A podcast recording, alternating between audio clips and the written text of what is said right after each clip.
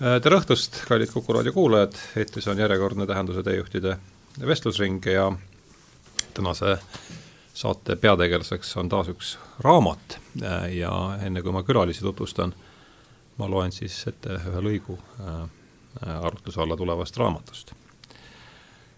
aga tegelikult mõtles ta Küllase ministeeriumi andmeid kohandades, pole see isegi mitte võltsing. lihtsalt üks nonsenss asendatakse teisega enamasti ei olnud sel materjalil, millega tal tuli tegemist teha, reaalse eluga midagi pistmist. isegi mitte sedavõrd, nagu otsesel valel.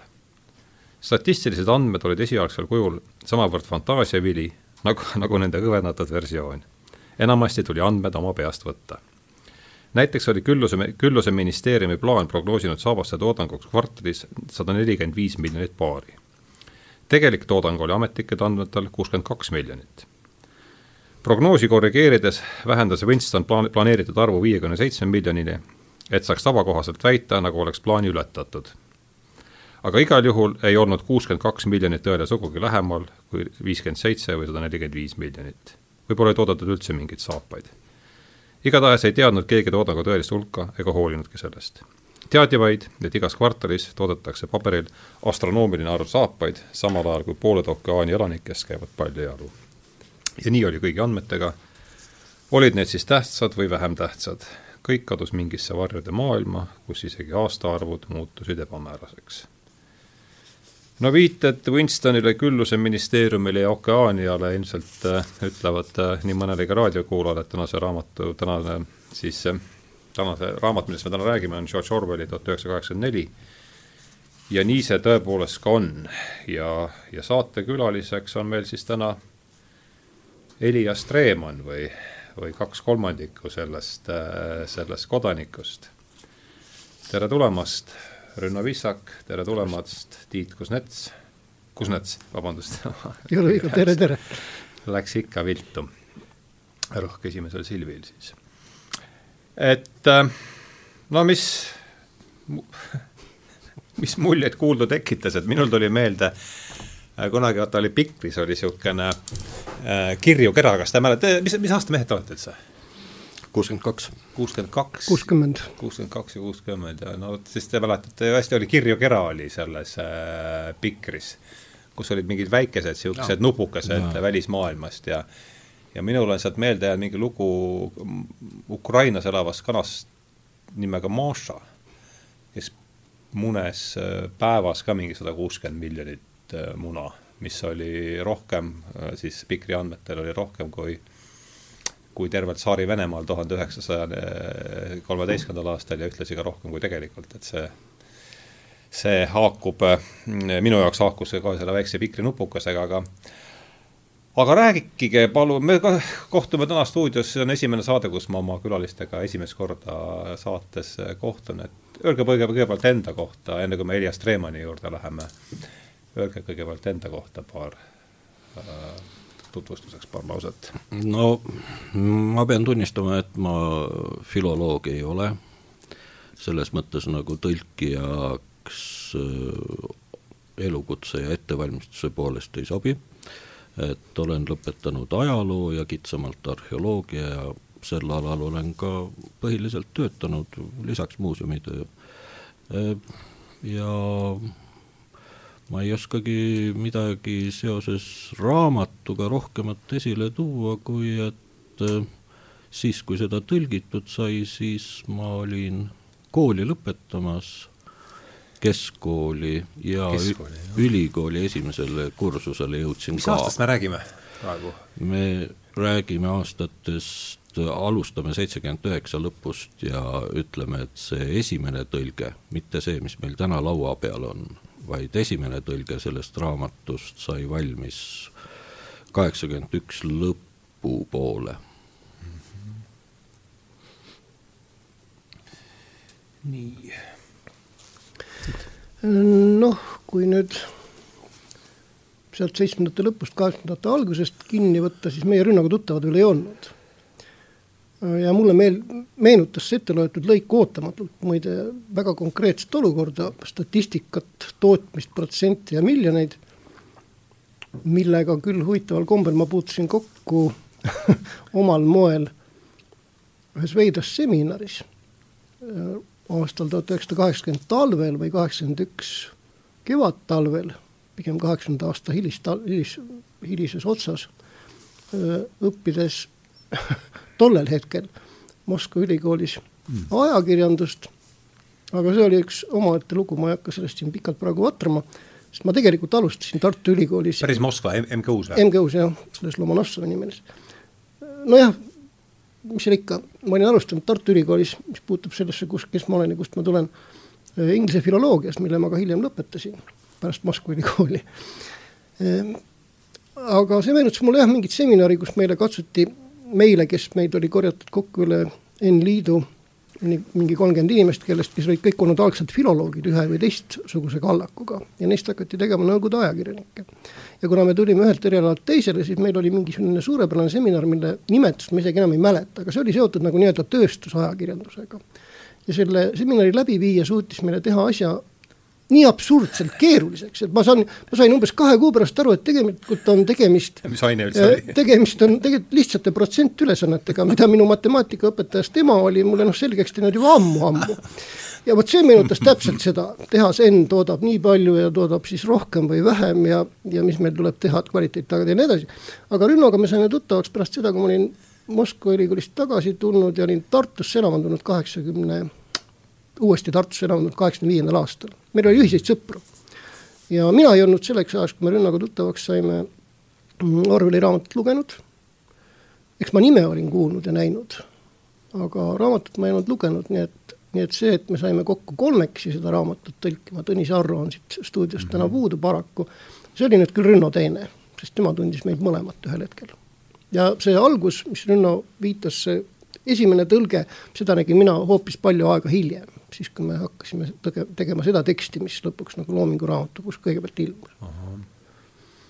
ah selge, jah, ma ei ole selle geneesi, noh see ongi, oleks esimese, esimese saate osa teema, kuidas see genees, kuidas kaheksakümmend üks oli esimene tõlge siis valmis, et Rünno pani siis satsi, satsi kokku sisuliselt äh,? räägime nüüd äh, siis hästi täpselt, et mis on esimene ja mis on ja, just, teine sats, eks ole. pane, ma ei, ma mõtlen ja. selle tõlki Elias äh, Eliase meie kolmekesi teise tõlke jaoks, selle ma tõesti käisin ja rääkisin Tõnisele ja Tiidule augud pähe. aga esimene eh, tõlge, see tekkis niimoodi, et Tõnis Arro sai selle raamatu ja see nüüd on juba avalik teave, ehkki tundub, et ikka veel on riskantne öelda, kelle käest, eks ole see harjumus ei kao, et äh, ikka ei tahaks nagu öelda hästi, kelle käest said ja kellega koos tegid, aga aga hakkab juba vaikselt nagu järele andma. et äh, Tõnisar on ise öelnud ka, et ta sai selle Tunne Kelami käest. ja äh, siis äh, see mõte, et aasta on kuskil seitsekümmend üheksa, kohe kaheksakümmend ja raamatu pealkiri on kaheksakümmend neli, et teeks sellest tõlke et see tuli vist üsna kiiresti selle lugemise käigus. Tõnisega sa tundsid siis varem juba? jaa, me olimegi nagu selles mõttes suhteliselt tihe seltskond, et seda esimest tõlget hakkasime tegema nõnda, et peaaegu kõik, kes seda tegid, olid Tartu teisest keskkoolist ja olid äh, varem tihedalt lävinud ka nagu selles suhtes, et vastastikune usaldus oli olemas.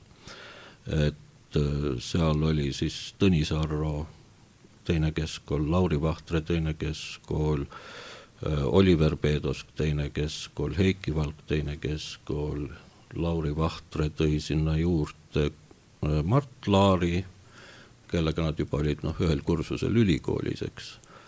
ja mõni nimi jääb praegu, Aleksei Lotman teine keskkool, et et eh, noh, see seltskond ei olnud mitte selles mõttes väga juhuslik, et eh, see võis olla juba paar aastat kestnud, kus eh, meie saime erinevatest allikatest, saime seda, mida nimetati väga otseselt nõukogudevastane kirjandus, lugesime, andsime edasi, paljundasime ja nii edasi, et noh. ja mis see paragrahv tollel hetkel ette nägi selles, seda te teadsite kindlasti ju? Äh, paragrahvis sõnastust mäletan küll selgelt, et äh, nõukogudevastase kirja teadvalt valede ja nii edasi ja laimavate ja nii edasi. et äh, täpselt aastaid ei, ei mäleta, aga, aga paljundamine ja levitamine oli nagu mis oli ikkagi konkreetselt kinniminek? jaa, jaa, ikka, ja seal oli nagu ainult kaks paragrahvi, üks oli nagu teadvalt valed ja, ja teine oli Nõukogude korda halvustavad, midagi taolist, et äh, natukene oli kahe paragrahvi vahel seda asja tehtud, et üks oli õrnalt leebem, teine äkki viiskümmend kaheksa või? ma arvan, võis see ja, ja, ja seitsekümmend üheksa ei olnud ju juttugi sellest, et seda paragrahvi ei jõustataks, et see oli ikkagi väga selgelt oli äh, noh, nagu venelased dissidendid väljendasid, siis äh, toimusid need äh, karistamised apteekridoosides. et natukene aega valiti ja siis nii-öelda hirmutamiseks keegi jälle midagi sai, eks ole mm. -hmm. Ah, sellist lause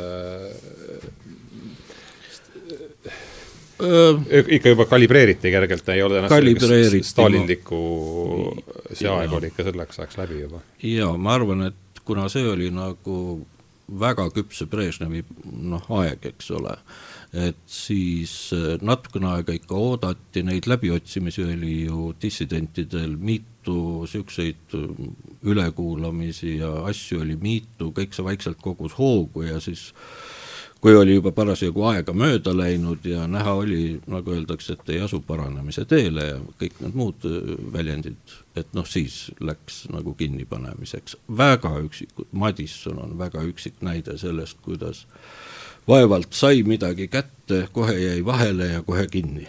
et -hmm. ha haruldaselt andekas selles mõttes nii, oota, kus me nüüd läks see jutt, kaheksakümmend Äh, siis Tõnis sai äh, Kelame käest raamatu, see oli, see oli siis reaalselt see äh, asi, mille, ilma milleta poleks saanud, originaal oli ju vajalik tol hetkel, eks, et ikka, ikka. internetti polnud. lõpuks oli meil millegipärast isegi ka venekeelne tõlge olemas veel kõrvale. mis kujul see oli? ma arvan, et paljundatud fotodes või milleski taolises mm. -hmm nii, oota, aga, aga paneme selle kronoloogia siis tõesti nüüd äh, kõigepealt paika, tähendab, te saite siis selle raamatu kuskil seitse, oli see seitsekümmend üheksa Kõlame käes? jaa, seitsekümmend üheksa, äärmisel juhul kaheksakümmend üks alguses. ja kaheksakümmend üks, kaua aega võttis? paneme lihtsalt, et äh, saame Tiidu ka kaasata sellesse jutuajamisse. Äh, kaheksakümmend üks on esimene tõlge valmis kaheksakümmend üks lõpus. kaheksakümmend üks lõpp, selle te tegite Tõnisega kahekesi? ei, see oligi kõik see suur punt, need seitse inimest ah, circa, keda ma ette aha, lugesin, sest äh, noh, see oligi väga meeldejääv, et hiljem kunagi Edwin Hiideliga rääkides ta küsis, et kuidas te seda tegite, ma ütlesin, no jagasime ära ja siis ta ütles väga meeldejäävalt, et lõiksite raamatu juppideks nagu vorsti, ma ütlesin, et jah, põhimõtteliselt küll, igaüks sai oma kolm peatükki või midagi taolist ja siis tõlkis need ära hiljem kokku ja hiljem keegi püüdis veel toimetada ka, et natukene ühtlustada, eks meil olid mingid tootmisnõupidamised ka kerged. aga teil otseselt äh, keegi siis dissidendi nimekirjas ei olnud äh,? Vot äh, tegelikult pidi olema natukene, sellepärast et äh, kui ma ütlesin, et me levitasime nagu Nõukogude vastast kirjandust ja nagu see oli nagu mingi võrgustik, lugemisring, ütleme, mis mm. töötas, et Äh, siis me selleks, et nagu olla juba natukene dissidentid, äh, selleks meil oli selja taga kuulsusrikas Tartu Teise Keskkooli almanahhi juhtum, niisugune asi, millest on kirjutatud natukene selles Karuks istus vangitornis raamatus. et äh, kuna see KGB-sse läks ja, ja sellega kaasnesid skandaalid, õpetaja vallandamine ja, ja siis väliseesti lehtedes ilmunud artiklid. see oli aasta oli? see oli ka seitsekümmend üheksa, jah. aa, no siis te olite ikkagi ekraanil juba, kui te tegema hakkasite? ikka üsna jah, sest raadios oli juba nimetatud nimesid ja väliseesti lehtedes olid äh, artiklid ilmunud nii, aga siis on kaheksakümmend üks esimene tõlge, kaheksakümmend viis saate te kokku Tiiduga, mis siis vahepeal juhtus? Raamat ringles, ma kujutan ette niimoodi sammis, sammistatina. jaa, ma arvan, ma läksin ise sõjaväkke kaheksakümmend kaks sügisel, sel päeval, kui Brežnev suri väga pidulikult. ja siis ma arvan, et ma enne seda vist isegi trükitud eksemplari ei olnud näinud. Aga kui ma noh, sõjaväest tagasi tulin kaheksakümmend neli lõpus, siis ma palusin nagu vist Tõnist, et keegi annaks mulle ka eksemplari, et ma siis nagu loeks esimest korda. Teil kaasas ei ole juhuslikult? ei ole jah. see oleks täitsa huvitav. mismoodi see trükitud asi välja nägi siis?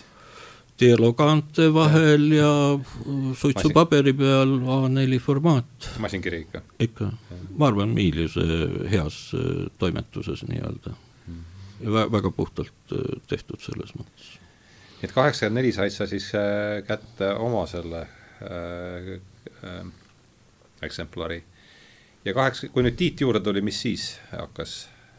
no enne seda oli tegelikult sündinud veel üht-teist selles mõttes, et et enne seda nagu, kui ma nüüd mäletan Rünno juttu õigesti, siis oli, oli ikkagi hakatud, mingil hetkel hakati taga otsima, ma ei tea, millal see nüüd täpselt tuli, see on jälle, Rünno mäletab ilmselt paremini et kusagilt poolt võeti kontakti ja hakati otsima inimesi, kes selle esimese tõlke olid teinud, mida mina ei olnud kaheksakümne neljandaks aastaks või ka viiendaks veel lugenudki.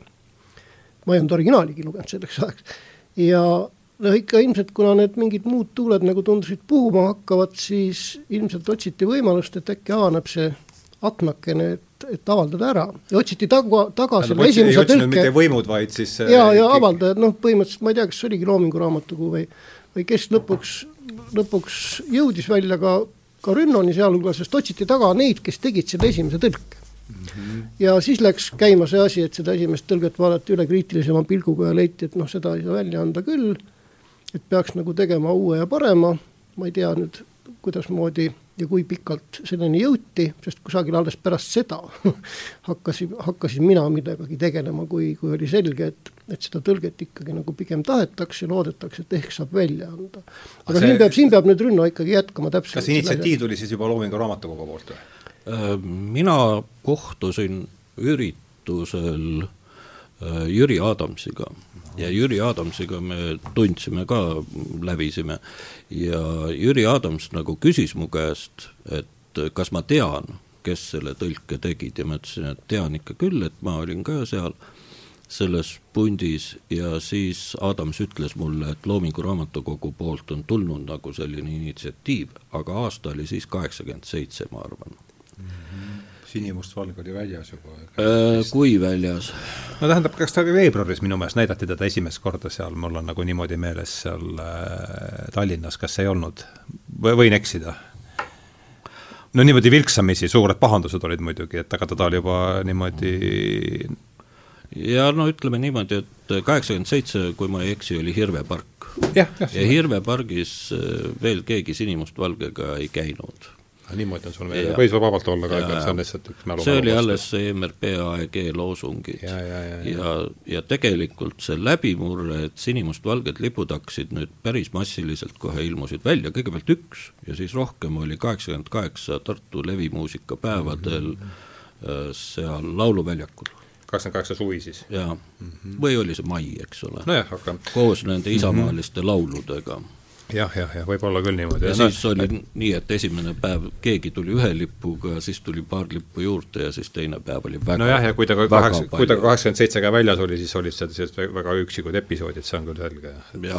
massilist no,, massiliselt ta väljas kindlasti ei olnud kaheksakümmend seitse. ajaloolise tõe eest seistes niimoodi printsipiaalselt ja lõpuni ma ütleks, et äh, kaheksakümmend seitse võis olla küll, aga anaalidesse võiks kirja panna, et see oli Võrus ja see oli see Võru sõltumatu noortekolonn number üks kes läks äh, kalmistule korda tegema seda Vabadussõjas langenute mälestusmärki ja tulid sinna koos sinimustvalge lipuga mm. -hmm. et äh, ma arvan, et, et see on, on vist nagu, nagu suht kindel fakt no selge, no igatahes äh, sula oli käimas, selles polnud, selles, selles polnud, äh, selles polnud kahtlust, kes meil oli Loomingu Raamatukogu juhatas tol ajal? vot juhatajat ma ei tea, aga meiega suhtlesid äh, proua Saluäär ja Toomas Haug uh. -huh. oli ju nii? jah, see on, mina tean nüüd ikkagi seda aega, mis tuli sealt veel pisut nagu edasi jah, sest siis, kui me ikkagi nagu tõlkeid hakkasime tegema, siis mina nagu seda noh, me kõik viisime tükikaupa mingisuguseid, meil võttis see kõvasti aega, kui läks nagu selle uue tõlke tegemiseks. ja me viisime ikka tükikaupa meisse väga kannatlikult ja heatahtlikult suhtuvasse Loomingu Raamatukogu toimetusse neid ära, ära trükitud masin, kirjutusmasinal peatükke siis, mis meie meelest olid nagu enam-vähem valmis ja korra üle vaadatud meie poolt, viisime me sinna ja siis ma suhtlesin küll Anu Salvaäärega toona, jah. -hmm. aga, aga tolleks ajaks olid nii, ilmselt nii mõnedki jutuajamised juba Rünnal, Rünnal teiste inimestega peetud no põhiline oli see, et esimese hooga jah, läks eelmine tõlge läks sinna toimetusse, toimetuses vaadati üle, öeldi, et ei ikka päris siit ei tule seda avaldamiskõlbulikku ja, ja siis ma ei mäleta, kummaga nendest kahest ma rääkisin ja küsisin, et aga kuulge, tohib, me teeme noh, nagu oma jõududega uuesti uue tõlke. Ja siis ma arvan, et see nagu anti meile niisuguse nagu, et moraalselt me oleme õigustatud seda tegema, eks ole, ja, ja siis ma otsisin kabuhirmus üles Tiidu ja Tõnis Arro ja, ja sain aru nagu, et noh, kolme peale vast teeme ära, aga, aga et noh, enam ei ole võimalik kaheksakesi hakata tegema ja ei olnud ka eeldusi, et mina nüüd üksi tema teeksin mm. -hmm. aga kus te Tiiduga siis kokku? ma arvan, et me, ma mäletan päris täpselt, kus me kokku saime, kas see oli päris esimene kord, noh, meil oli ühiseid tuttavaid mm. -hmm. ja, ja see koht võis olla see kaunist punasest telliskivist maja Toome nõlva peal. Krensteini maja. Krensteini maja jah, seal oli meil ühine sõber ja võib-olla kas tema või tema abikaasa sünnipäeval või kuidagi nii, sest mina tootasin tollel ajal noh, sealsamas lähedal, teisel pool Toomemäe nõlval veel suuremas punases majas ehk toonases ajaloo keskarhiivis. ja, ja kuidagi nii oligi, et, et siis ma saime Rünnaga tuttavaks, Rünno tegi juba arheoloogiat mõne aasta pärast meelitas ta minu ka sinna nii-öelda organisatoorset tööd tegema, kuigi mina noh, hariduselt ei ole ajaloolane, vaid filoloog ja ajakirjanik, kumbagi natukene. ja siis kuidagi me, eks me mingeid raamatuid ikka vist nagu vahetasime ja, ja noh, jah, kuidagi meid tegi tuttavaks vist tegelikult veel ühe, ühe kolmanda või neljanda ühise tuttava abikaas, kes oli, kes tuli selle peale, et, et Tiidule ja Rünnale on teada, mõlemale meeldib Richard Brotigan kohutaval kombel ja nad ei tunne teineteist ega peaksid kaks tüütut inimest, kes kipuvad liiga palju prootigenist rääkima, aga teineteisest sõltumatult. kas on see arbuusi suhkur või? jah, jah, jah. see oli tolleks ajaks, tollel ajal ainsana eesti keeles olemas, jah. Soosaar või? jah ja,, Soosaar tõlkis selle, jah mm. -hmm. ja siis kuidagi see, eks ta sealt nagu hakkas minema, sest siis me jah, me katsusime siin Rünnoga eile veidi mälu värskendada ja ikka juba nii palju, pool elu on möödas, selles mõttes, et, et hakkad juba kahtlema, et kas see oli nüüd selle aasta talv või tolle aasta kevad või kui me siin kusagil külmades ja halvasti köetud, et mitte öelda kütmata ruumides Tartu kesklinnas kusagil, kus Rünno, Rünno tolleaegse arheoloogilise ekspeditsiooni kola ja tööriistu hoiti ja ka kahtlemata väärikaid leide. ja seal siis kusagil laua taga me katsusime kahekesi nikerdada, sest noh, Tõnis ei elanud Tartus, eks ja Tõnist, nagu me ükskord siin eelmisel kevadel meelde tuletasime Tartus kirjanike majas, mina ja Tõnis kohtusimegi selle tõlkimise ajal, mis kestis tükk aega, ainult ühe korra, ma arvan. Mm.. ja hiljem, ma arvan, et teist korda võib-olla me siis nägimegi teineteist Tõnisega näost näkku uuesti, ma kahtlustan, alles kahe tuhande üheksateistkümnenda aasta kevadel siin Tartus Vanemuise tänaval, sest muidu oli niimoodi, et noh, Tõni, Tõnis ja minuga suhtles Rünno et jah, kui läks juba uue tõlke tegemiseks, siis noh, siis samamoodi me jagasime need peatükid kuidagi ära niimoodi. Te jagasite peatükid ära, jah? ja kõik me, kõik me nokitseme, nokitsesime need oma tükid valmis ja siis noh, mina olin see meiepoolne nii-öelda esimene toimetaja. et mina siis vaatasin nad veel korra nagu üle kõik. aga sealt, tal on ju siin kõik see Newspeak ja, ja selle te pidite kogu see no, sellega on meil eraldi lugu, see on oma seal on veel, see ei olnud ükski meist kolmest, vaid see oli taaskord Rünno tuttav, kes selle veel eraldi tegi. Newspeaki teksti tõlkis äh, lugupeetud professor tänasel päeval äh, Ülo Valk. aa, selle kui sa ütled, et Newspeak, siis sa pead silmas seda lisa, lisa, lisa, lisa, eks ole, aga noh, see terminoloogia jookseb siit ju tõlkest läbi, te pidite ikkagi jah, seda, eks me seal loomulikult omavahel kuidagi pidasime nõu ja ja ikka katsusime ja ju me küllap ka vaidlesime mingil määral kusagil. mingeid see ikka tuli nagu Jah. töö käigus jah, äh, sest- sujuvalt jah, sest see, mis selles tekstis, mis seal enne on, noh sellega me tege-, tegelesime ikkagi nagu kolmekesi. aga siis ühel hetkel jah, vist oli nagu mõistlik mõte, et äkki äkki selle lisa seal taga jah, et selle peaks nagu eraldi tegema.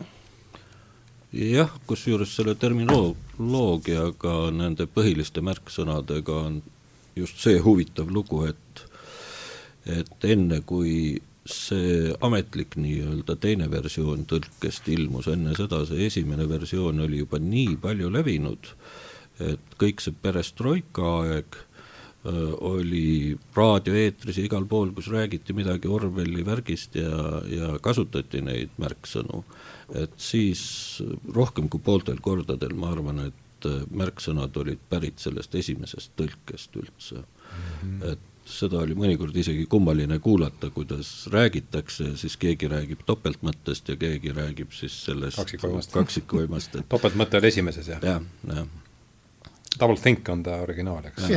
Noh, eks ta muidugi on võimalik ka, et inimene ise tõlgib selle mõiste ära aga, aga mulle tundub, et et selle esimese teksti levik oli ikka päris, päris lai, sest kui Miilius teda ümber lõi, siis Miilius tõenäoliselt ka mingi osa eksemplare lihtsalt müüs mm. -hmm. kolm rubla tükk või kuidas iganes see siis käis, et eh, ju, ju ta ikka levis laialt aga mm, tuleks veel tagasi selle kaheksakümne esimese tõlke juurde, kas tuli pahandusi ka võimudega või, või läks ta niimoodi? Temaga oli see huvitav lugu, et tagantjärel me ei ole suutnud kindlaks teha ühtegi korda, meil oli pärast väga palju vestlusi ja ülekuulamisi seoses Pareki ja Tartu ja nii edasi kohtuprotsessiga. no et väga paljud meie hulgast käisid seal ülekuulamistel ja mitte kordagi meie käest ei küsitud midagi kaheksakümne nelja kohta, nii et põhimõtteliselt ma arvan, et sellest võrgusilmast see tõlge ja autorid tulid täitsa puhtalt läbi mis on päris äh, hea saavutus ühtepidi. väga hea saavutus. seitse inimest ikkagi, see ja, ja, ja teiseks ma nagu tean oma kogemuse põhjal, et kui oli mõni tõlge tehtud, näiteks üks kiri oli, mis Jüri Kukk oli vanglast välja saatnud ja inglise keelde ma tõlkisin selle ja see levis siis välismaal, eks ole, seoses Jüri Kukke noh, vahistamise ja hilisema uh, hukkumisega. et siis selle väikse üheleheküljelise tõlke autorit KGB otsis meeleheitlikult, sellepärast et väga paljude inimeste käest, kellel sellega mingit pistmist ei olnud, noh, nii-öelda püüti välja pinnida, et ilmselt teie olete selle teksti tõlkija mm. -hmm. nii et kaheksakümmend neli jah, huvitaval kombel ei, ei suudetud ilmselt kindlaks teha aga no siis teie ikka oli organite juurde tuttav, et see üle, ülekuulamistel tuli käia teiste asjade pärast siis? no jah äh,, mm, ma mõtlen praegu, sellest meie seltskonnast vist mina olin nagu peaaegu esimene, kes sattus päriselt sinna majja vestlusele, sellepärast et kas see on nüüd ikka seesama maja siin, see ei, kirjanike maja, jah ja. sinnapoole, vabandust, sinnapoole just, just. jaa äh, sest noh, mina käisin nagu täiesti ilma, ilma ennast peitmata, käisin Jüri Kuke matustel Voloktas koos Pareki Pesti ja Pärnaste ja nii edasi. Ja kui ma sealt tagasi tulin, siis oli juba nagu see KGB kontori uks pärani valla, et palun astuge sisse ja hakkame vestlema. Tõnis Arro ja mina olime siis kaheksakümmend üks sügisel, kui me Leedus olime koos Tunne Kelami ja veel mõne inimesega ja seal võeti meid nagu suht nii, miilitsapatrull võttis kinni, tegi väiksed läbiotsimised, leidis mingit keelatud raamatut kotist ja siis me istusime seal neli päeva kinni. pärast seda oli uuesti kaheksakümmend üks sügisel olid nagu vestlused minul ja Tõnis Arrol, nii et noh, me natukene nende uste vahet juba ikka saime käia. aga mis, mis selle juures veel olulist võiks olla? kaheksakümmend üks te olite siis kakskümmend niimoodi, ei? siis ma isegi olin nagu vist üheksateist. vist kaheksateist, jah. Tõnis on kaks aastat vanem, siis me olime niimoodi, et mina olin teisel kursusel, Tõnis oli vist juba neljandal kursusel. Tõnis õppis mida, ka vilju? Äh, psühholoogiat. aa, ta oli psühholoogias, jah, jah. aga sina olid siis Moskvas sel ajal või? no kui jutt on kaheksakümne esimesest aastast, siis jah, sest see ja läksid, mis aastal ime, läksid Moskvasse? imetabane üleviimine Tartu Ülikooli filoloogiast Moskva ülikooli ajakirjandusse toimus, toimus? tuhande üheksasaja kaheksakümnendal. et seal ma õppisin jah, kirjandatud korras lõpetasin Moskva ülikooli ajakirjanduse kolme aastaga ja siis tulin sa lõpetasid ära selle? jah, tulin Eestisse, noh nii nagu ta oli jah, see on üks naljakas, naljakas diplom küll, naljakas stuudium, aga aga paljudki hakkab juba ununema aga siis jah, siis ma tulin kuidagi läbi Tallinna, töötasin oma kohustuslikku aega selles Nõukogude ajakirjanduses, eriti toredas Nõukogude ajakirjanduse kohas nimega ETA ehk Eesti Telegraafi Agentuur mm, -hmm. mis noh, ka see tuli mulle meelde, kui see alguslõik sai ette loetud saate alguses yeah. raamatust, et noh, see nüüd ei olnud päris niu-, niisugune valetamine, aga, aga loominguliselt ikka tuli läheneda küll, jah. et vähemalt oleks võimalik sellest kirjutatud uudisnupust kahtepidi aru saada vähemasti jah, et no seda ma küll praktiseerisin poolteist aastat ja siis mul õnnestus ikkagi tänu headele inimestele enne oma koh-, kolme kohustusliku tööaasta täitumist sealt ära tulla.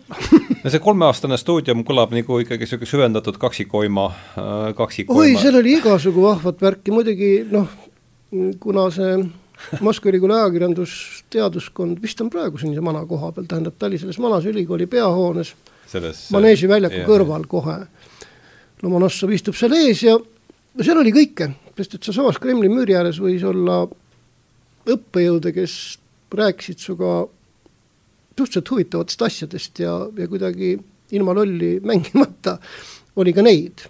ja oli niisugust raudbetooni, et oli, oli vanamees, kes oli elusast peast noore inimesena Trotskit näinud ja oma käega katsunud, kes luges kangelaslikult mingisugust punase ajakirjanduse ajalugu mina käisin kahes suhteliselt lähedal asuvas kesklinna antikvariaadis ostmas ingliskeelset kirjandust, mida oli rohkem kui Eestis saada oli. ja eks ma siis lugesin seal laua all Faulknerit ja, ja Brotigani ja ka Tolkieni ja sel ajal, kui, kui Trotskit näinud mees katsus rääkida selle ees ja, kogu auditooriumil. tol ajal olid ju täiesti. jah, see oli, see oli nagu selles mõttes pull jah, aga siis. Rakveres, kust mina pärit ei olnud, ei olnud, ei olnud neist keegi, no võib-olla mõni oli, mina kindlasti ei olnud nende hulgas ja kui ta, jah, siis ma tulin tagasi ja, ja kuna noh, tundus, et, et põhiline, põhiline elu eesmärk tol, tol ajal peaaegu et oli see, et saaks nagu sellest ajakirjanduspunktist nagu tulema. siis noh, tundus, et, et ära lõpetada kaugõppes pooleli jäänud inglise filoloogia oleks nagu vähemalt üks variant, millele kuidagi toetada. noh, saigi ära lõpetatud jah, ja eks sellest ole omal moel nagu kasu olnud jah, ma ei ole küll pedagoogiks ma küll ei läinud, ma olen oma kuus praktikatundi ära andnud kaheksakümne kolmanda aasta talvel aga, aga rohkem ei ole, ei ole nagu toda tööd teinud. aga kasu on sest olnud küll loomulikult ikka, kaasa arvatud see, et et saades rünnaga tuttavaks, oli millest rääkida mm. nii, ja nüüd me siis oleme siin põige siia-sinna, aga, aga, aga laias laastus oleme me siis kaheksakümne seitsmenda aasta kahekümne seitsmes aastas ja, ja ma saan aru, et Rünno kompleks, sina komplekteerisid siis selle ja äh, mina, tiimi sisuliselt? mina püüdsin leida jah, nii et meid oleks mitte liiga palju nüüd sedapuhku, vaid et äh, ma arvasin, et kolmekesi saame niisugust mõtet ei tulnud, et üksi teha või? ei. ma mäletasin seda esimest korda, kui ma kolm peatükki pidin tõlkima, et äh, mina hindan ilukirjanduse tõlkimist väga raskeks tööks, võib-olla kellelgi tuleb kergemini, minul väga raskelt, et ma ei proovinudki üksi hakkama saada.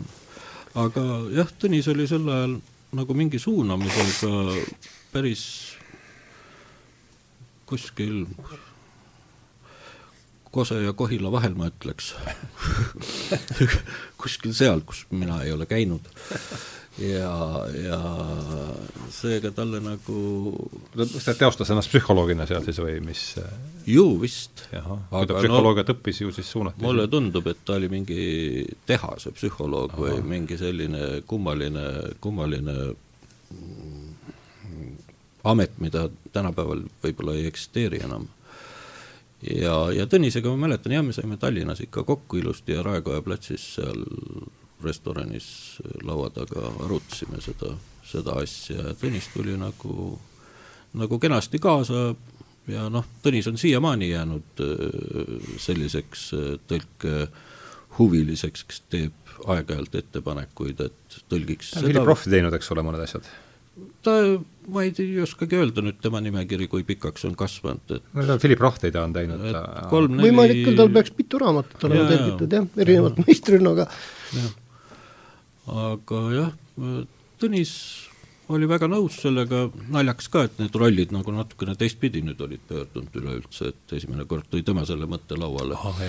et nüüd, nüüd pidi ta siis ise olema see, kellele räägitakse, et kuule, hakkame tegema ja, ja Tiidule ma jah, väga salakavalalt tõenäoliselt ja ettevaatlikult äh, sisendasin selle mõtte ja ega siiamaani Tiit vist päris kindel ei ole, kas oli tark tegu. Ei, see, et ta tehtud sai, see, see sai mulle juba tol ajal ühel hetkel selgeks, et noh, et ükskõik mis, no keegi ka too eelmise kevade mm, vestlusring, tookord Tõnis oli see, kes ütles, et et tagantjärgi võivad paljud targutada, et oo, me teadsime ja küll nüüd tuleb see vabadus ja mis kõik, kuratitki me teadsime, ütles Tõnis ja väga õigus on tal, kõik oli väga segane. see, et noh, minul oli küll see tunne, et kui see raamat praegu saab ära tõlgitud, siis mine tea, kas mõne aasta pärast enam saab. noh, ja, ja selle, selles vaimus sai seda tehtud, sest et noh, kui ma olin ta läbi lugenud, siis oli Berliini müür oli ju selgelt veel platsis, eks ole. Jah, kui me tegema hakkasime, oli küll jah, ja, ja ja oli selge, et noh, et see oli sisemine veendumus, ühel hetkel noh, lambikes säras ja seal oli see tulikiri, et see raamat tuleb ära tõlkida. ja selles suhtes pole mingit kahetsust, noh, iseasi oli see, et, et küllap on kahtlemata juba praegusel ajal, aga tollel ajal ma ei tea, ilmselt on ka väiksema füüsilise ja muu vaevaga võimalik raamatuid tõlkida, kui meil see välja tuli. et et, et see on nüüd ise, iselugu, aga kuidas ja kuidas ja mismoodi, aga, aga lõpptulemuse üle see, et ta olema sai, on ainult hea meel, kes teil siin toi-, kes teil oli toimetaja üldse? Hiidel. Hiidel ikka, jah mm -hmm.? Edvin Hiidel. Ervin, jah. jah, jah, jah. aga tema muidugi samal ajal oli ka toimetaja, redigeerija, kuidas iganes äh, äh, Gulagi arhipelaagi juures, nii et põhimõtteliselt see meie käsikiri nagu me arvasime küll, et me viime peatükkide kaupa teda toimetusse, et mm -hmm. siis saab nagu redigeerida, toimetada, mis iganes vaja on teha nagu jupi kaupa ja kui viimased tulevad, et siis eelmised on tehtud.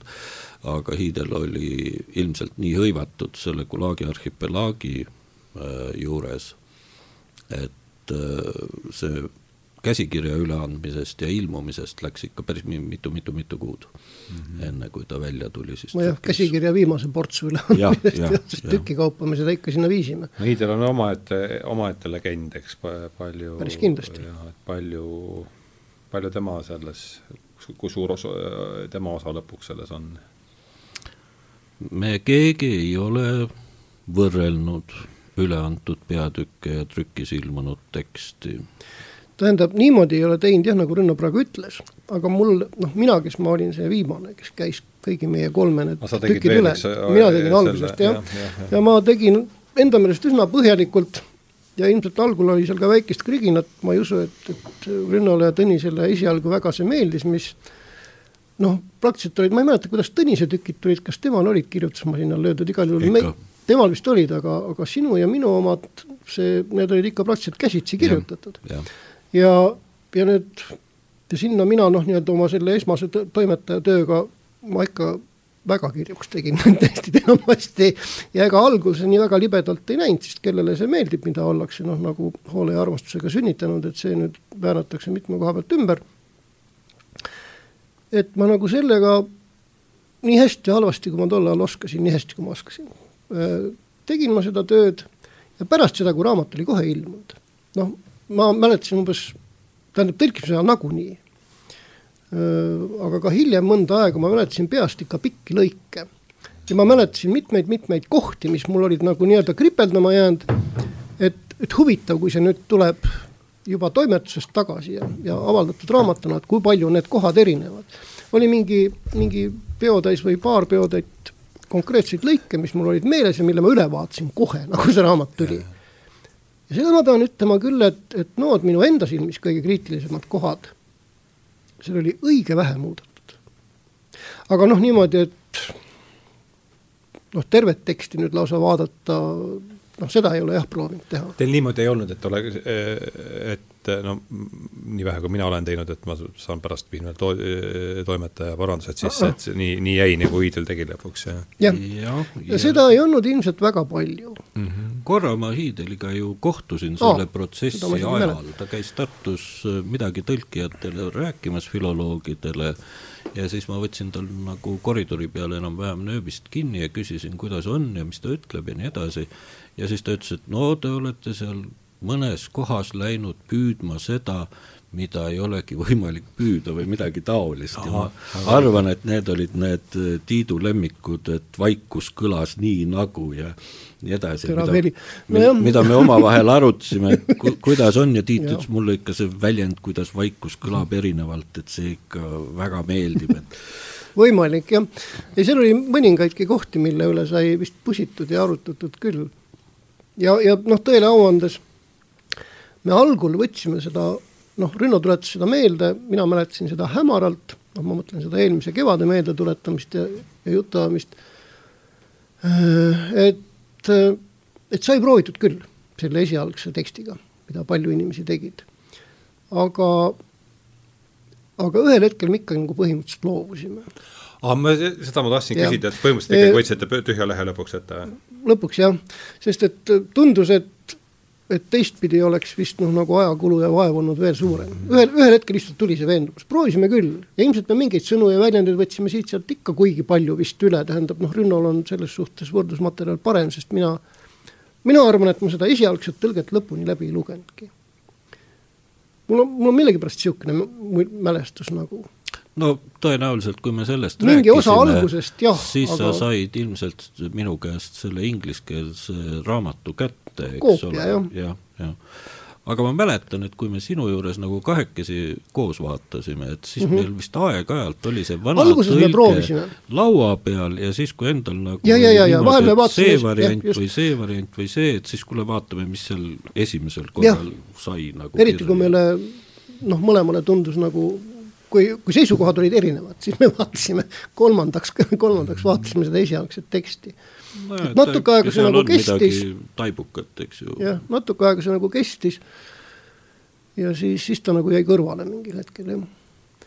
kuidas te siis äh, kes algus, kes keskpaik, kes lõpu, kuidas see tegelikult käis niimoodi sammuga. aa, sammuga, aa muidugi jah ja,, sest jah, muidu ei, ei tööta vist jah, sest sa pead olema jah, just, just. noh, eks meil läks ikka aega ka jah, pusimist me siin tuletasime meelde värvikamaid hetki, minul on ikka, ma jõudsin töökohta vahetada selle tõlkimise ajal, ma jõudsin ajalooarhiivist kaheksakümne üheksanda aasta arvatavasti kuskil kevade poole ära tulla. ja, ja Rünno toona siis oli selle asutuse nimi Eesti Muinsuskaitse Seltsi väikeettevõte Agu, mis tegeles kõige muu hulgas ka arheoloogiaga. ja minust sai siis selle Tartu osakonna nii-öelda juhtasjaajaja ja ja, ja tolle asutuse tööruum paiknes siis juba selles Tartus hästi tuntud kurikuulsas silikaatmajas, mis asub otse Jaani kiriku kõrval. Hruštšovka. Hruštšovka jah, nii et me nagu aastaid meelde tuletades Rünnoga jõudsime selleni, et, et noh, ma tean, et kaheksakümmend üheksa olin juba seal majas ja kestis ikka veel see, et ma noh, öösel tõlkisin hommikul läksin tööle pidasin lõunani vastu, siis tuli toetada pea vastu seina ja magada, kui keegi ei tülitanud. õhtul koju kõht täis magama pere läks magama, ajas mu üles no tähendab, ei leidnud teist meetodit. noh, arvuteid loomulikult ei olnud. käsitsi? käsitsi jah, pärast muidugi loomuliku raamatukogusse viisime, siis me leidsime hea ja ümberloojamasinal, kes istus mu kaid üleval ja minu etteütlemise järgi lõin, lõi need ümber. aitäh, Marika Liivamägi tagantjärele. aga see oli jah niimoodi, et juhtus absurdseid olukordi, ma, ma mäletan üht õnnetut, või no võib-olla mitte õnnetut, aga mäletan inimest, kes tegeles kivi restaureerimisega ja kes tuli meie kontorisse seal Jaani kiriku kõrvalmajas, ma mäletan hetke, kui ta minuga rääkima hakkas, ma toetasin pea vastu seina, edasi ei mäleta kui ma silmad lahti tegin, siis oli kivirestauraator ammu loobunud katsetest minuga, minuga vestelda, sest ma lihtsalt magasin nii sügavalt. no samas, arvestame sellega, et kivirestauraatorite jutt on tavaliselt huvitav ja kaasagis. no vot, kaotus on seda suurem sellest hoolimata et noh, kuidagi vot nii ta käis ja siis me jõudsimegi Rünnoga sinnamaale, et aga millal me siis tõlke lõpetasime.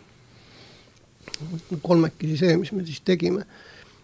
ja, ja ikkagi jäi eile õhtul sellest meelde tuletamises väike kahtlus õhku selles ja, mõttes. sa tegid eile mäluvärskendust, ma saan aru? jah, natukene, natukene küll.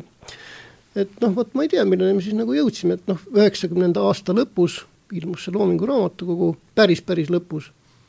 seal oli vahe ilmselt kaheksakümne üheksanda NSV Liidu ajal. Kaheksakümne üheksanda aasta sees me ikka lõpetasime selle tõlke ära no,, andsime viimased võib-olla jah, et siis aasta lõpupoole. jah. Läks ma-, masinkirjana läks siis? jah, jah, läksid viimased tükid sinna. see oli veel kirjuta-, kirjutusmasina peal tehtud või? jah mm., absoluutselt no kena, me oleme siin nüüd oma kolmveerand tundi juba rääkinud sellest taustast ja oludest ja liigume vaikselt siis autori ja, ja raamatule lähemale, et ma ausalt öeldes ei ole väga palju Orwellit lugenud, ma kunagi lugesin äh, Loomade farmi inglise keeles.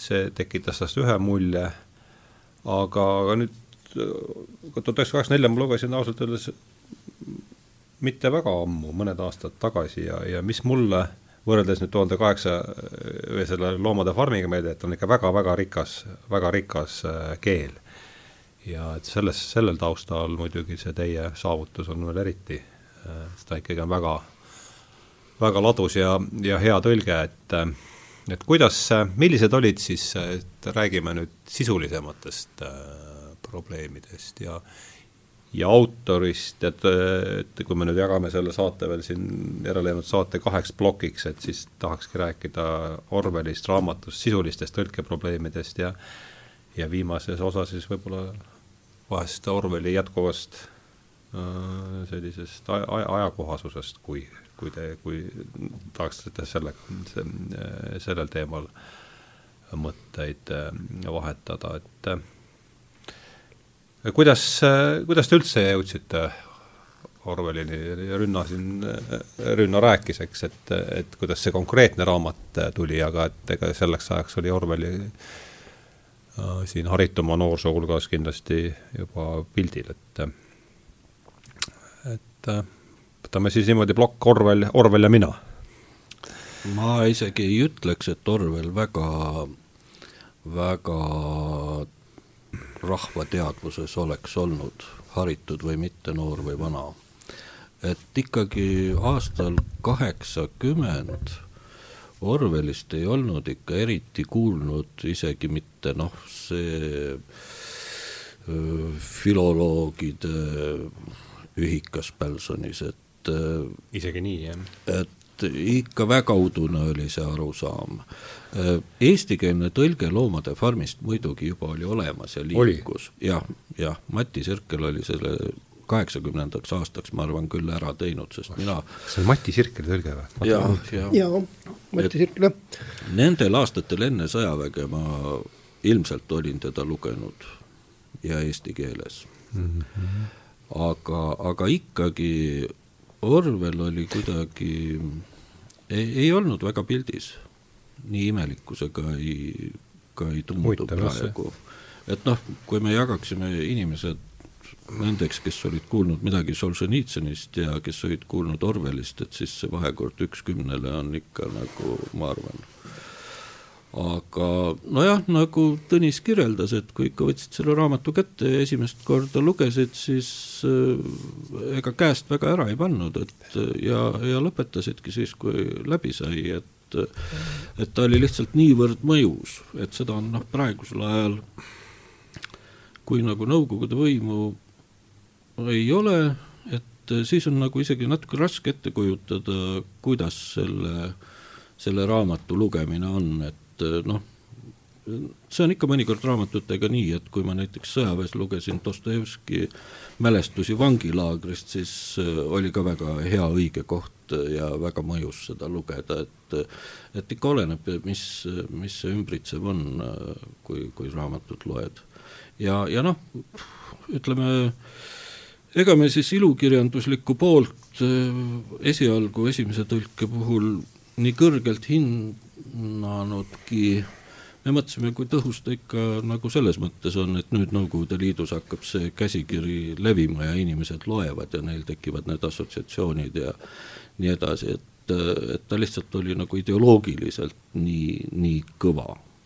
et see, et nüüd stiili nautida, et see juba tuleb nagu selle teise tõlke puhul ilmselt välja et eks me siis hakkasime juba tajuma natuke teises olukorras, et et äh, väga huvitavalt on kirjutatud, ütleme stiililiselt need erinevad stseenid er, natuke erinevas kirjelduses või erinevas keeles minu meelest, aga noh, Tiit oskab filoloogina sellest paremat äh. ülevaadet anda.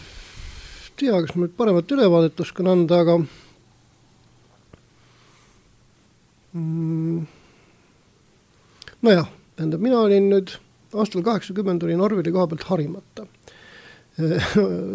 nii Tartus õppides filoloogias ma nüüd Orwelli nime küll ei kohanda oma tuttavate suus.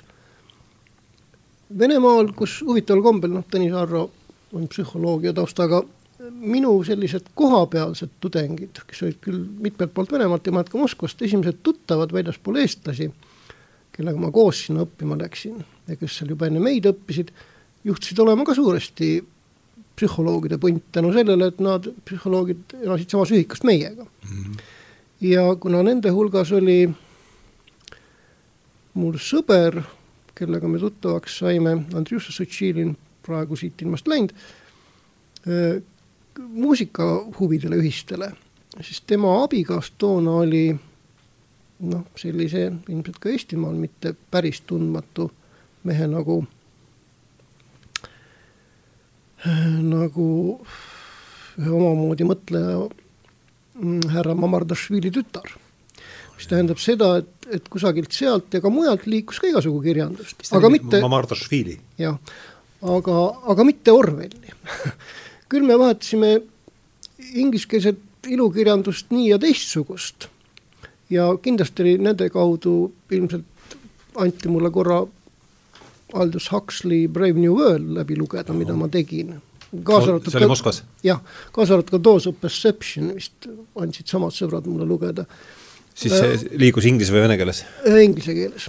venekeelset, me rääkisime vene autoritest, keda noh, mm, nõukogude ajal ei soositud, olgu siis Pilnjak või mõni teine, aga ma ega see venekeelses lugemine mul nii väga ladus ei olnud, kui, kui nüüd võtta ikka tõsiselt hea ilukirjandus rikas keel ja kui su sõnavara ei ole väga suur, siis on ka vaevaline.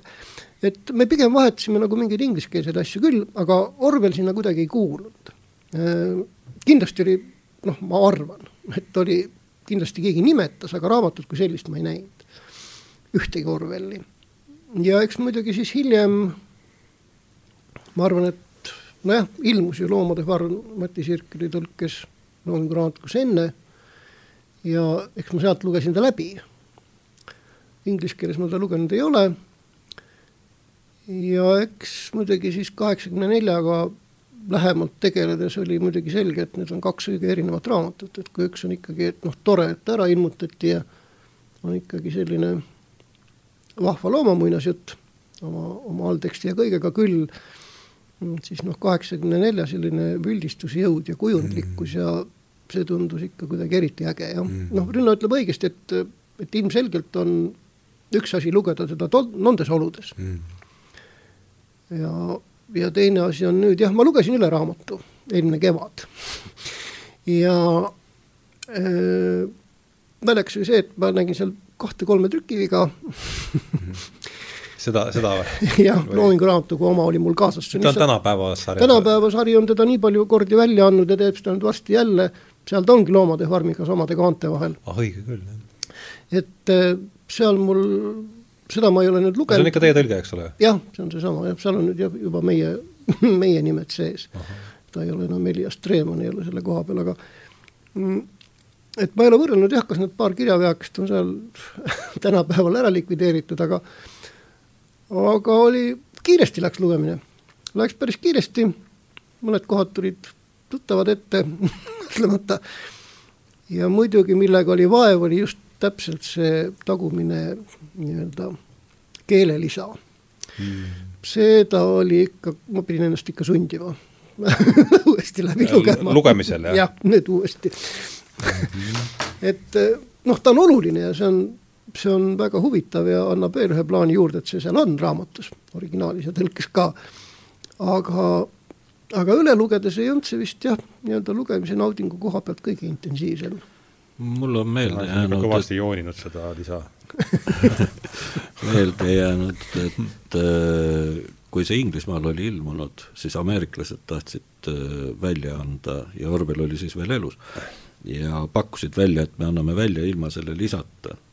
ja Orwell keeldus ja, ja jäigi see suure kirjastusega mingisugune suhteliselt suurt raha sisse toonud leping selles mõttes tookord sõlmimata, et Orwell leidis, et seda raamatut peab välja andma koos selle lisaga. no õige muidugi jah, autori seisukohalt. täitsa jah, jah. meil ta on jah, kuidagi niimoodi, et muidugi noh, vot teadmata midagi eriti palju Orwellist, olin ma muidugi näinud täiesti konkreetselt sellelt raamatu kaanelt võetud aastaarvu tuhat üheksasada kaheksakümmend neli ei kusagil mujal kui tuhande üheksasaja seitsmekümne neljandal aastal ilmunud David Bowie albumi peal Diamond Dogs, mis pidi mm. algselt kandma tervenisti nime tuhat üheksasada kaheksakümmend neli, aga seda, seda ma lugesin kõike hiljem. ilmselt kusagilt sealt olin ma näinud Orwelli nime oma silmades mööda vilksatamas. Äh, ta tahtis panna terve plaadi teha, aga ta ei saanud kokkuleppele, samamoodi, tähendab kas siis tolleks ajaks, millal Orwell suri üldsegi, ma enam ei teagi.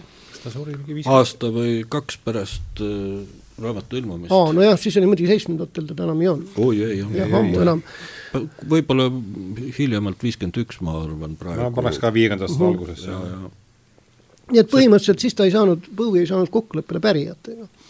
aga noh, seal on peal, on lugu, nineteen eighty four, nii et, nii et ma olin noh, nagu ah, kaudselt sellega ma lähen kuulan nüüd pärast kohe ära ma olin sellega kokku puutunud küll, teadmata Orwellist eriti midagi üldse mitte midagi sisuliselt. No.. ja eks ta muusikasse on jõudnud veel, sest et, et põhimõtteliselt on, on üks noh, progeroki klassikaliste ansamblite bassimehi ja öö, nüüd see kunagi ka Eesti esinemas käinud ja nüüdseks lahkunud Hugh Hopper, teinud oma sooloplaadi nimega tuhat üheksasada kaheksakümmend neli. Kusagil rahvus, kusagil Rahvusringhäälingu arhiivis on Ideaalmaailmade sarjas olemas ka selle plaadi eraldi saade mis on otseselt, on, seal on nagu viide sellele, et ideaalmaailmade sari, jah? jah, et seal on see, kuidas plaadi esimene lugu algab, on viide noh, raamatu esimesele reale, kuidas kellad lõid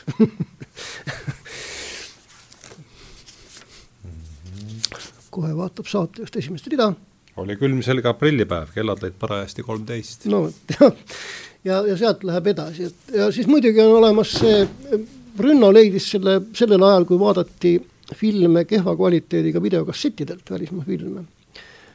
millalgi, kui me olime juba tuttavad olnud, siis me vaatasime, kus oma tuttava Mati, kes ei olnud meedias, vaid üks noorem mees, tema juures videokassetid filmi tuhat üheksasada kaheksakümmend neli, mille muusika tegi ansambel Eurythmics.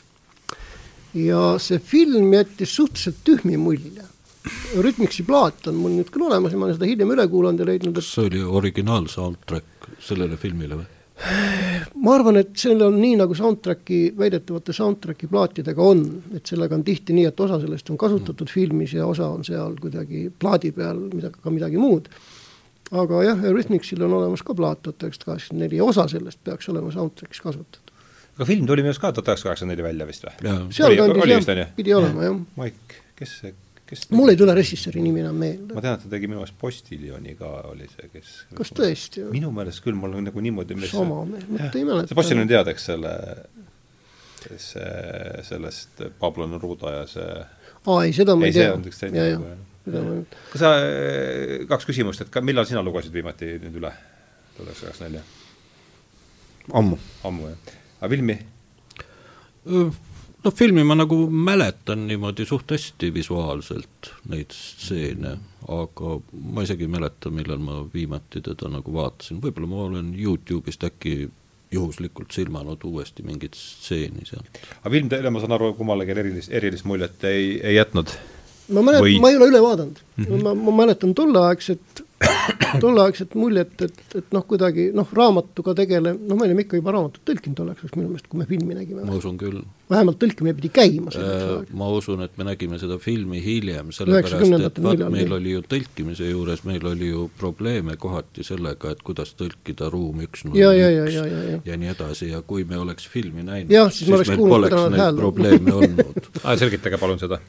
no et kas, äh, kui on kirjas äh, sada üks on kirjutatud lehekülje peale, siis jaa, et kas siis tekst? eesti keelde oleks parem tõlkida ruum sada üks või ruum üks null üks. jah, mhm. et siis ma mäletan, meil oli no ikka päris mitu minutit arutelu sel teemal ja kuna ma töötasin ülikooli raamatukogus ja ruum oli kolm, kolm, kolm, siis minu argument oligi see, et aga kuidas sa ise seda ruumi nimetad. just, just, et siis mitte kolmsada kolmkümmend kolm, vaid kolm, kolm, kolm. kuna me kõik ütleme kolm, kolm, kolm, et siis tuleb siin ka ruum üks, null, üks see oli see hirmuruum, eks ole ja.. jah, et jah, filmis oleks nagu mingid asjad olnud hääldatud ja välja öeldud ja oleks olnud jah, nii et me nägime tõesti, Rünnal peab õigus olema, nägime filmi hiljem ikka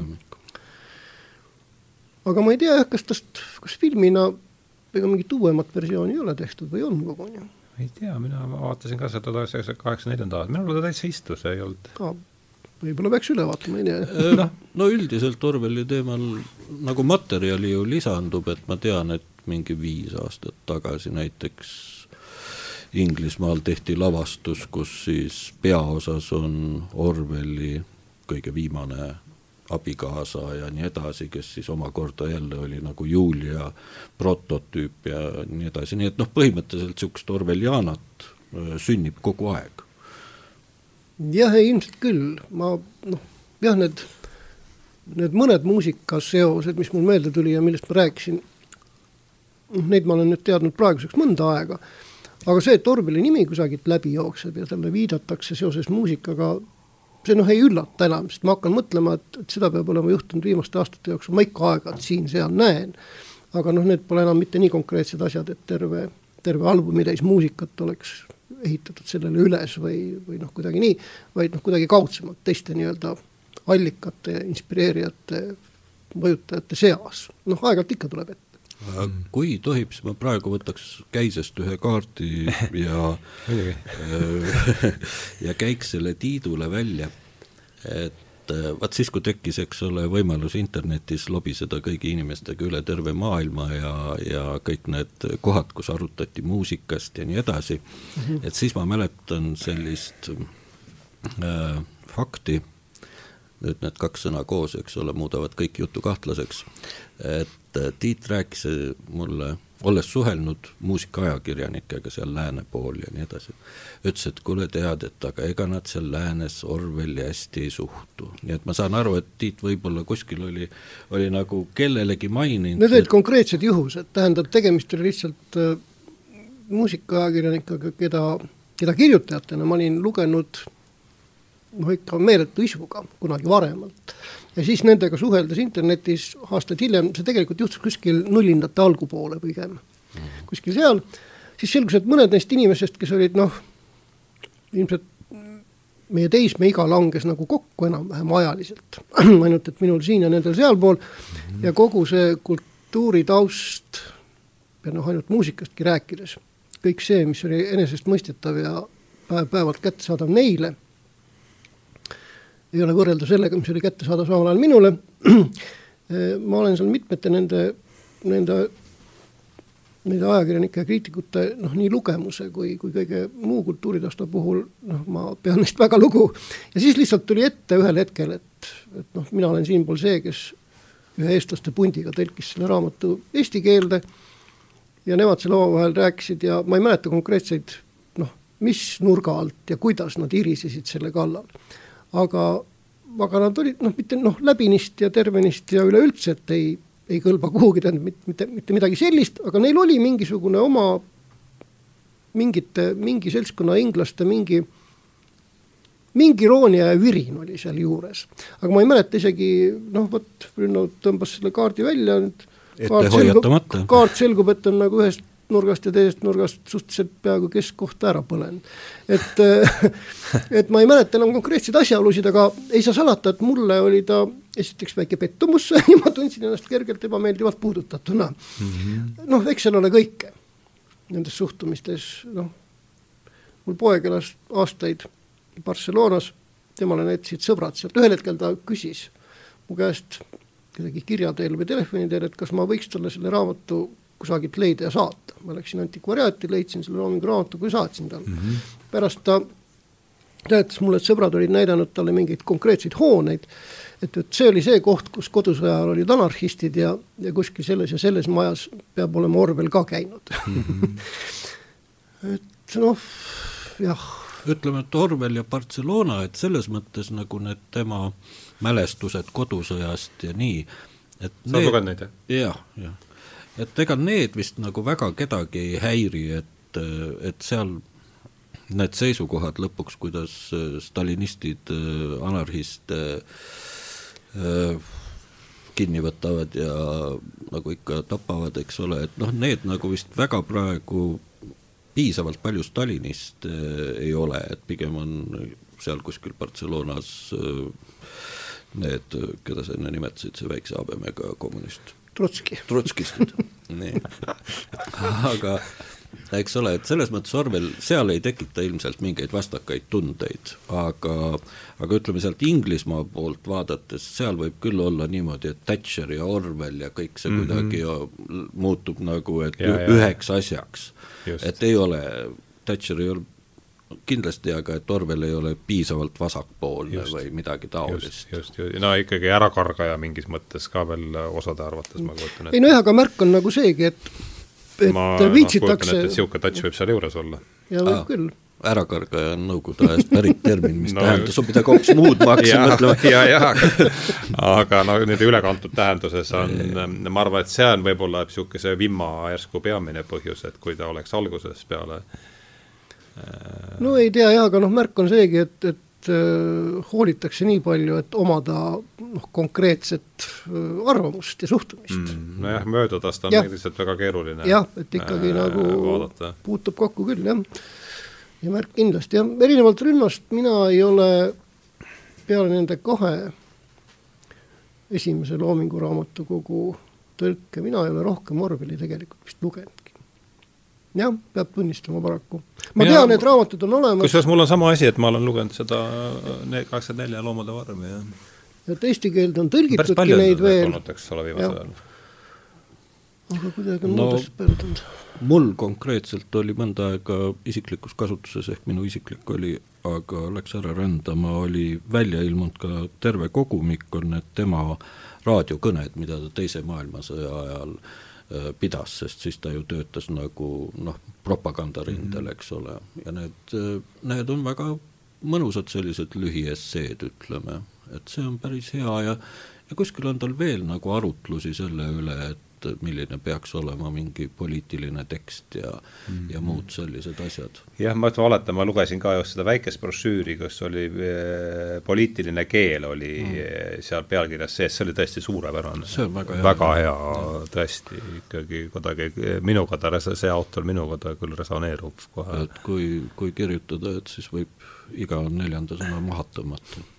just, ja ka jah ja noh, natukene ausalt öeldes, mis selle raamatu stiili puutub, siis mina ei ole filoloog äh, ja, aga mulle jääb kogu aeg nagu selle raamatu puhul selline mälestus, et et kõik see, mis puudutab seda igapäevaelu ja nii edasi, et seal on see keel kuiv ja ei ole nagu selline kujundeid nagu ei ole, on väga, väga, väga selles mõttes proosaline ja et siis tulevad sähvatustena nagu need kohad, kui sõidab loodusesse koos Juliaga ja ja mingid mälestused seal, unenäod, kus on ema tegelane mm -hmm. sees ja nii edasi, et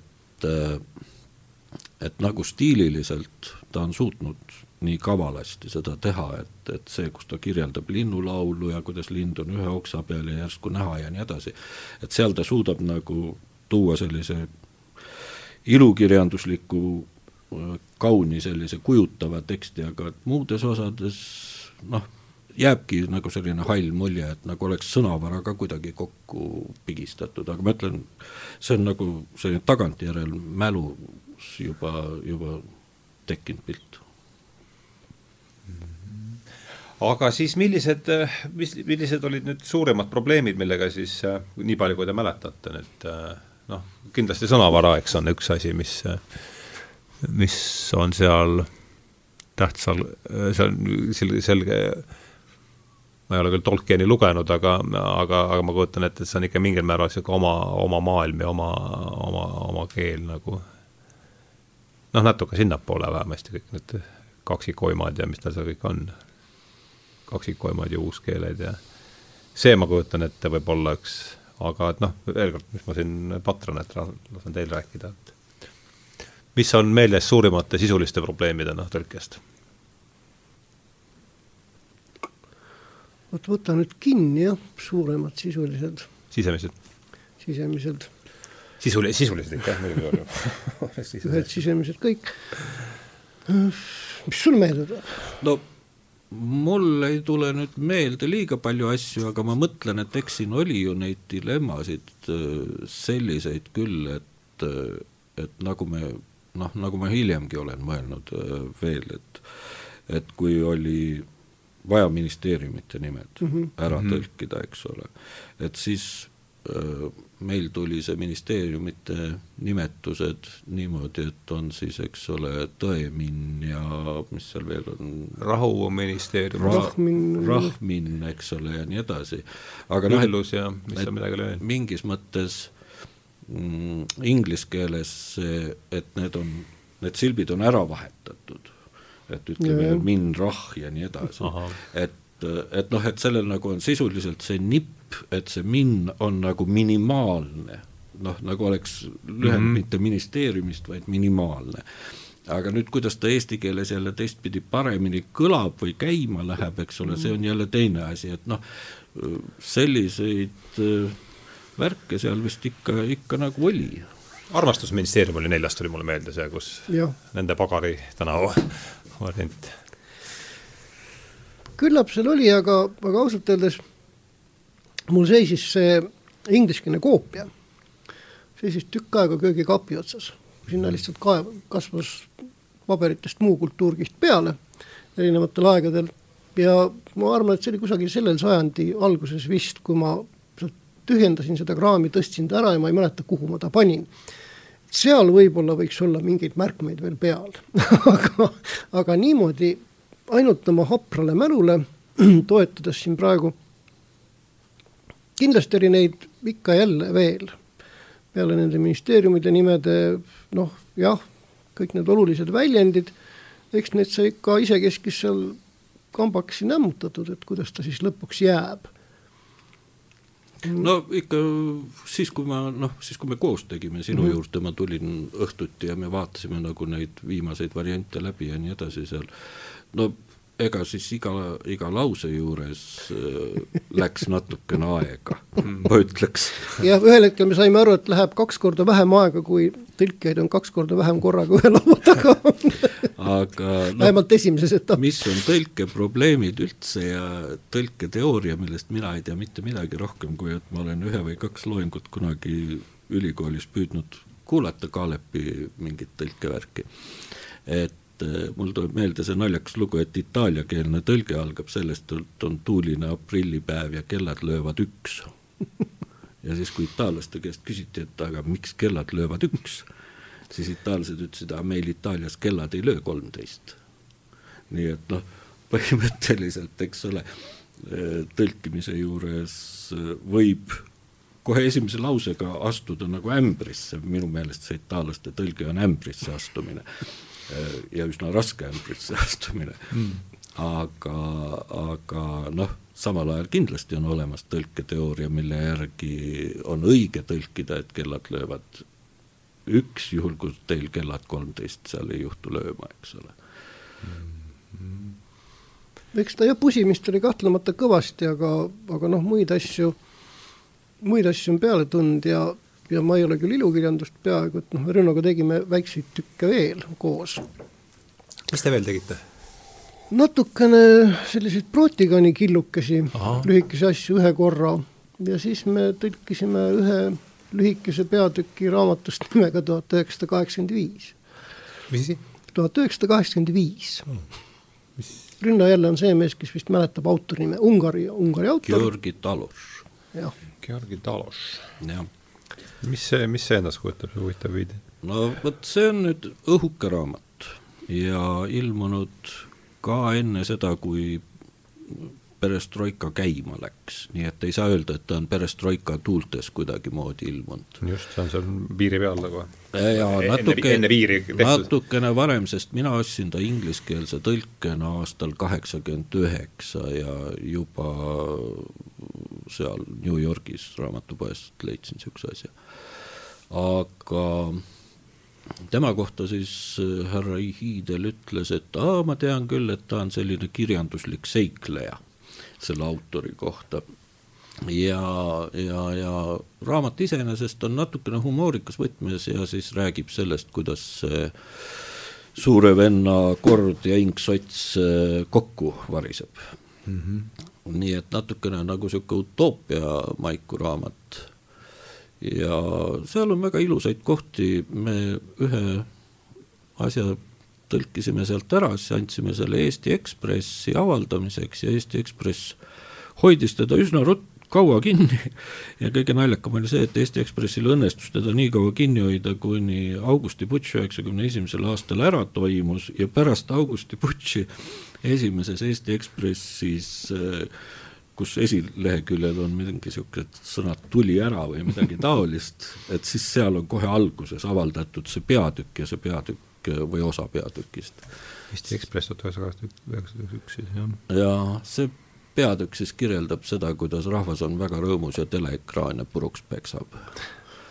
et äh, see on päris hea lõik sellest. aga sealt te tegite lõigu ja mitte tervet raamatut? ei. oli jäime... nagu isegi nagu õhus, me jõudsime selleni, et kuidagimoodi, ma ei mäleta, kelle kõigi abiga suutsime me sellele Ungari autorile, kes oli täiesti elus siis veel saata ehk on praegugi. võib-olla on praegu, saata küsimuse, et kas ta on nõus sellega, et seda raamatut eesti keelde tõlgitakse meile andis ta loa. jah, ja ta ja. saatis vastuse nendel segastel aegadel, et võib küll, väga lühike ja. vastus oli. kui mahukas teos see oli? õhuke ikkagi. ja ütleme kaks korda õhem kindlasti kui kaheksakümmend neli. väga huvitav see. aga jah, seal on natukene ta jõuab jälle umbes samasse kohta, kuhu jõuab, jõuab võib-olla Bradbury oma selle Fahrenheitiga. Fahrenheitiga jah, et, et kui ikka juba rahvas on kõik vaba, et siis hakkab televisioon nagu uuesti tööle, aga ei ole näidata neid äh, seriaale ega filme, need on ju ära hävitatud, et siis leiti vanad telekavad ja loetakse sealt siis inimestele ette seriaalide neid lühikokkuvõtteid, nagu mõnedes telekavades avaldatakse ja siis rahvas on muidugi vaimustuses ja vaatab neid, kuulab, mis seal ette loetakse, et noh, ta on nagu selles võtmes raamat. -hmm. jah, et noh, kui siis oligi nagu ühel hetkel oli selge, et, et ei ole mõtet hakata enam pusima, et elu hakkas nii palju muutuma, et või, või noh, kuidagi asi jäi vist selle taha, et Rünno katsus mulle järgmist auku pähe rääkida, aga, aga siis ma olin juba kuidagi võrdlemisi tõrges ja, ja siis läks juba aeg nii palju edasi, et siis tundus, et, et ei, ei ole vist mõtet iga hinna eest seda kaheksakümmend viit hakata, hakata tegema enam. ta vist isegi nagu enam ei oleks tundunud naljakas, selles ja. mõttes, et äh, elu vist läks nagu kunstist ette, mulle tundub mingil hetkel küll juba. et no mis sa ikka loed, et kõik vaatavad seriaale ja ha-ha-ha, et nüüd nad on vabad ja vaatavad seriaale nagu lollid. no see ilma raamatutagi selge, eks ole, et selles mõttes ei olnud vist. kas tal oli siis, kas tal olid Orwelli tegelased, oli ta tegelased üle, üle võtnud või kuidas, kuidas tal oli see asi?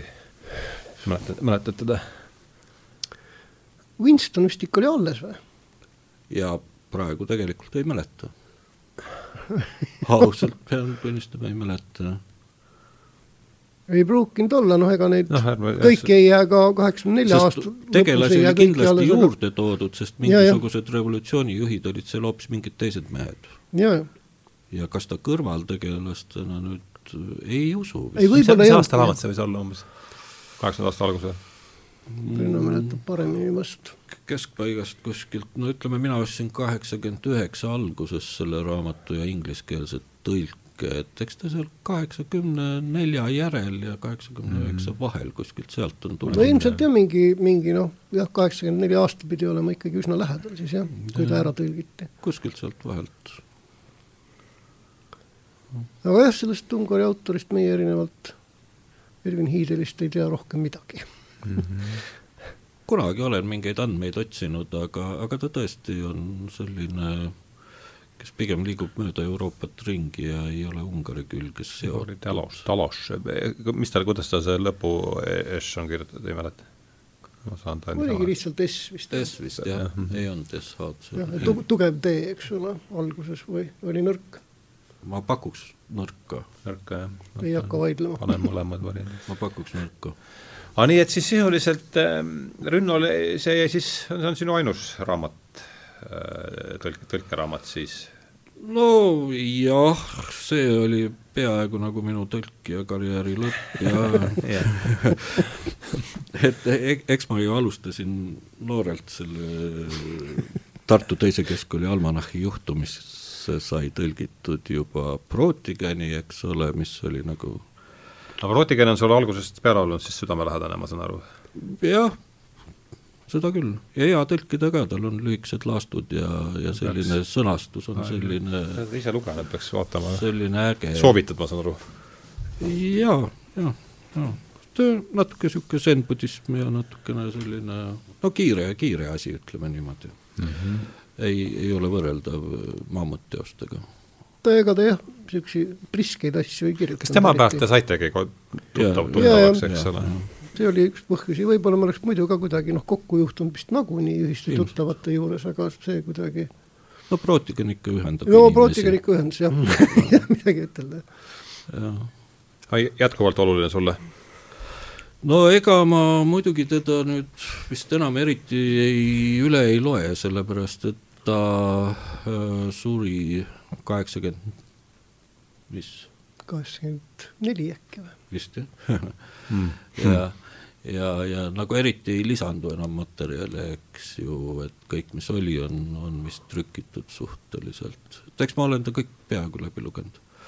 ja, ja uuesti üle nagu ei loe, ehkki, ehkki peab ütlema, et see, mis vaimustas kuueteistaastaselt, siis äh, praegusel ajal uuesti üle lugedes paistab loomulikult teise nurga alt no,, et vot see kunsti asi on ju see, et äh, erinevatel aegadel erinevalt paistab.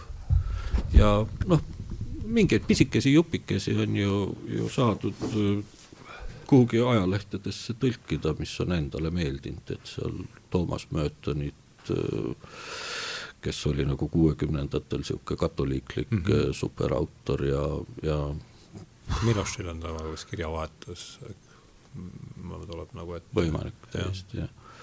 ja noh, Toomas Määrton. ja eks äh, koolipõlves sai ju kohe alustatud selle almanahhi jaoks Carl Gustav Jungi tõlkimisega, ega ikka altpoolt nagu polnud midagi nii väljapaistvat võtta, et et ma ei teagi, keda nüüd veel tõlkida Polegi enam selliseid suuri autoreid.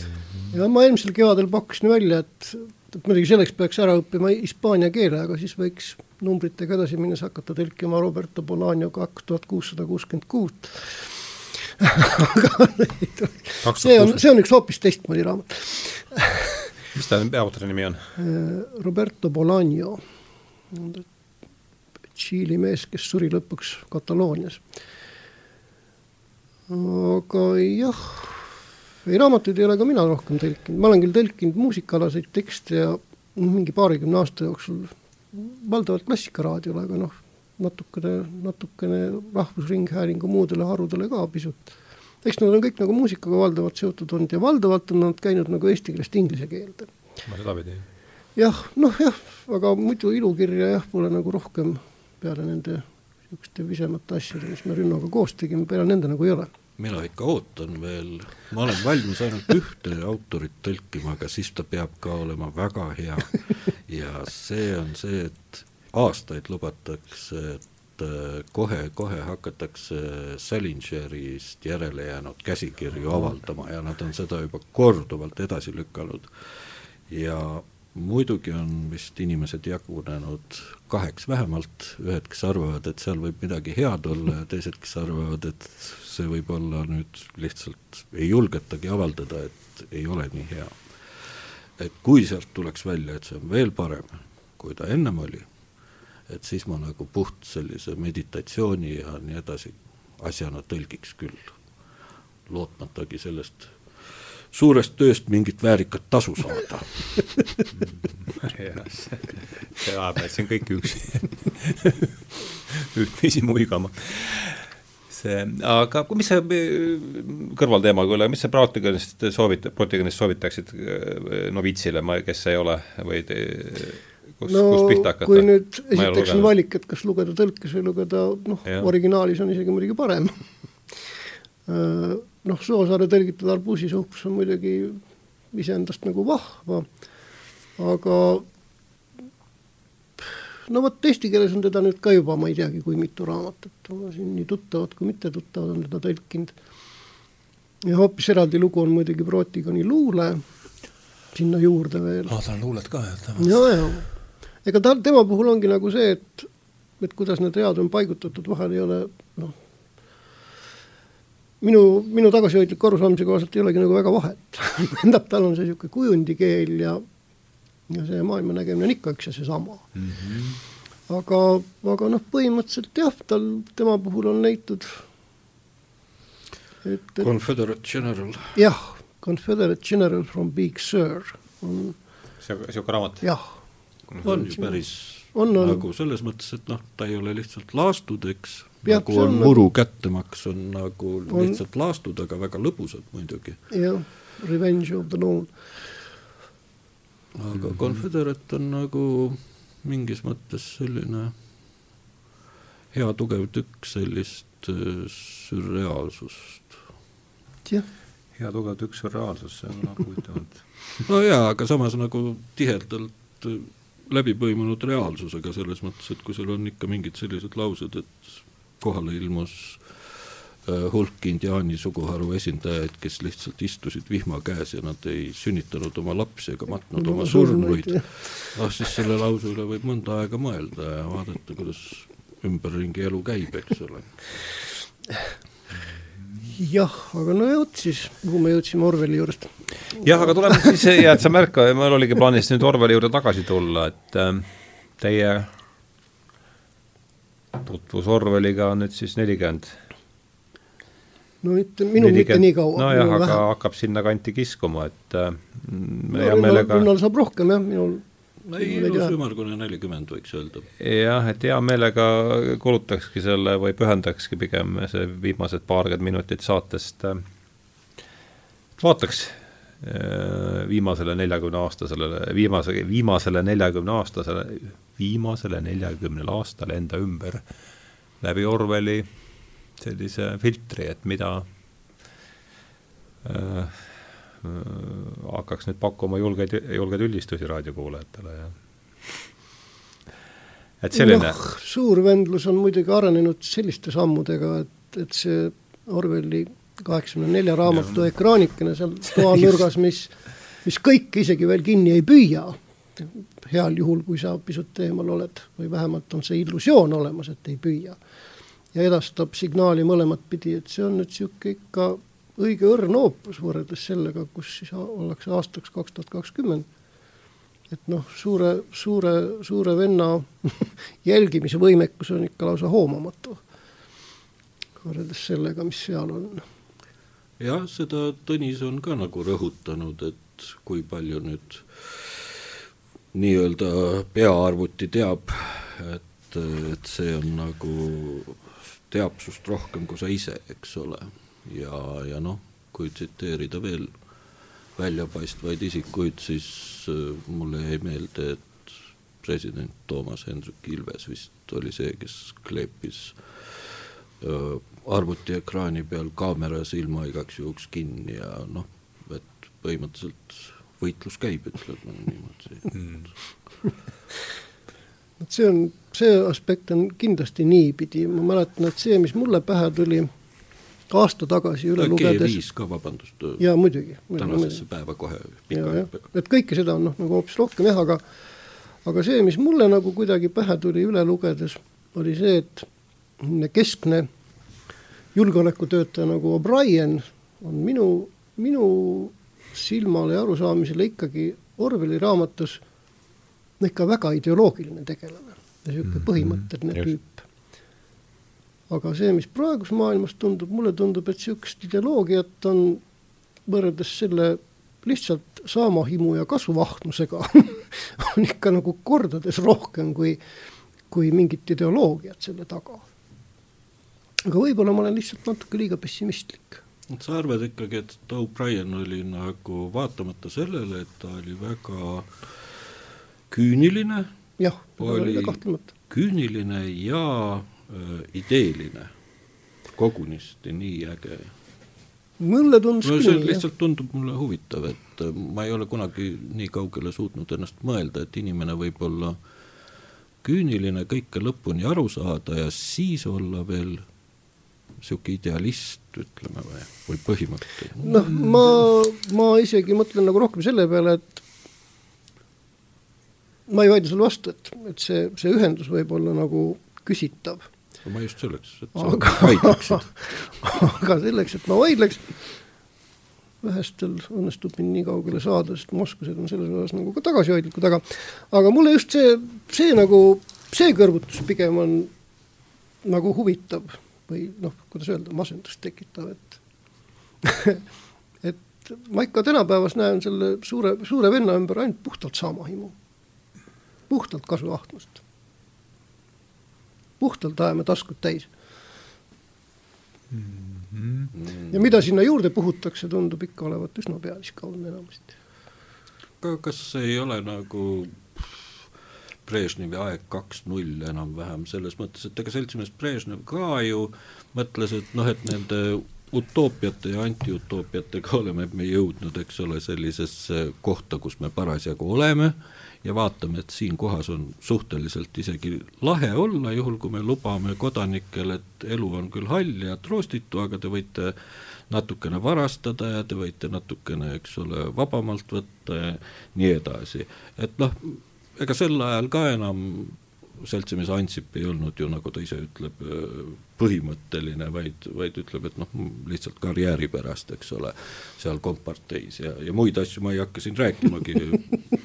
Enamus oli seal ju lihtsalt Eesti Vabariigi huvides, aga õnnestusid sees ja, ja, ja, ja, ja aga, aga ütleme, et noh, et kas sellest ajast asi on kuidagi halvemaks muutunud, ma arvan, et ei ole, et äh, nii nagu nad tol ajal arvestasid, et oled kolhoosi esimees, saad niimoodi, oled ettevõtja, saad niimoodi, et ega siin nagu kas, kas sinu jutust võib jõuda, võiks jõuda järeldusele, et sinu arvates on küünilisust ja silmakirjalikkust vähemaks jäänud? võib-olla nad natukene rohkem tahaplaanile, kasuahnus on nad, on küünilisuse tahaplaanile lükanud, ütleme niimoodi, et noh, Brežnevi ajal või Nõukogude ajal noh, suurt kasu sa kuskilt ei saanud, sa olid lihtsalt küüniline ja istusid selle koha peal, mis see parasjagu juhtus olema, eks ole. tänapäeval pole aega, küünilisuseks on vaja noh, see kasuahnuse pool nagu täidab selle ära, võib-olla seal on mingit idealismi ka, ma ei täpselt ei võib-olla ongi jah, seal vahepeal oli veel see huvitav küsimus, mida mina ei olnud enda jaoks nii sõnastanud, et ühel hetkel sa ütlesid, et et aga et mida siis seltsimees Brežnev mõtles, see on minu arust jube hea küsimus mida seltsimees Brežnev mõtles. teine hea küsimus on see, millal seltsimees Brežnev sellegi mõtlemise järele jättis või mõtlesidki teised rohkem tema eest kogu aeg ja mul lihtsalt see niidiotsakene, mis jäi siin niimoodi huvitavalt, intrigeerivalt rippuma, oli me see. läksime rappa. Ei, üldse mitte, see väga huvitav niidiots tuli just sellega seoses, mis Tiit ütles, et see O'Brien ja sihuke segu kü-, ühest küljest ideoloogilisusest ja künismist, et see mul tuli kohe miskipärast oli see Dostojevski nimi käis siit juba läbi, see suur inkvisiitori ehm, eh, kuju tuli kohe nagu sinna, see, see tundub nagu olevat niisugune arhetüübina nagu ja Jung käis siit ka nagu läbi, selle, kuidas ma näen, noogutad kaasa nõustuvalt või mittenõustuvalt, kohe kuuleme. no nende asjade peale nagu jah, vaadates ja mõeldes see suur inkvisiitor tuleb paratamatult meelde. vot äh, jah, et üldiselt ju teda nagu, seda teksti ja neid argumente ju hinnatakse väga tugevateks, eks ole mm. -hmm. et no ja neid argumente ma sa räägid nüüd kummast äh, inkvisiitorist? jah, jah ja, ja, et inkvisiitori jutt nagu teemal, et mida, mida nemad pakuvad ja mida siis vastaspool ehk antud juhul vist Je Jeesuseks, nii me ütleme, et noh, et tuleb välja nagu, et nemad pakuvad palju paremaid variante. seda ta räägib, jah. ja, ja ütleme, kui me vaatame, tuleme tagasi Fahrenheiti juurde korraks, siis seal on ka enam-vähem niimoodi, et et ega keegi ju ei sundinud, et mida televiisoris näitama hakatakse ja mida ajalehtedes kirjutama hakatakse, et rahvas ise nõudis, eks ole, et sealt tuleb mm -hmm. igasugu meelelahutust ja mul on eraldi meelde jäänud ralliuudiseid ja kaks nädalat tagasi ma lugesin Postimehes oli toimetuse poolt keegi kirjutas ja kuidagi nagu natukene kriitiliselt Kaja Kallase mingi väljaütlemise suhtes, et et ütles, et aga Kaja Kallas, et sa ei saa aru, et rahvas nõuab, et kui sa teaksid, mis on klikkide vahe ralliuudistel ja nendel teistel asjadel, et siis sa saaksid aru, miks ralli uudiseid on seitse tükki ühes numbris, eks ole.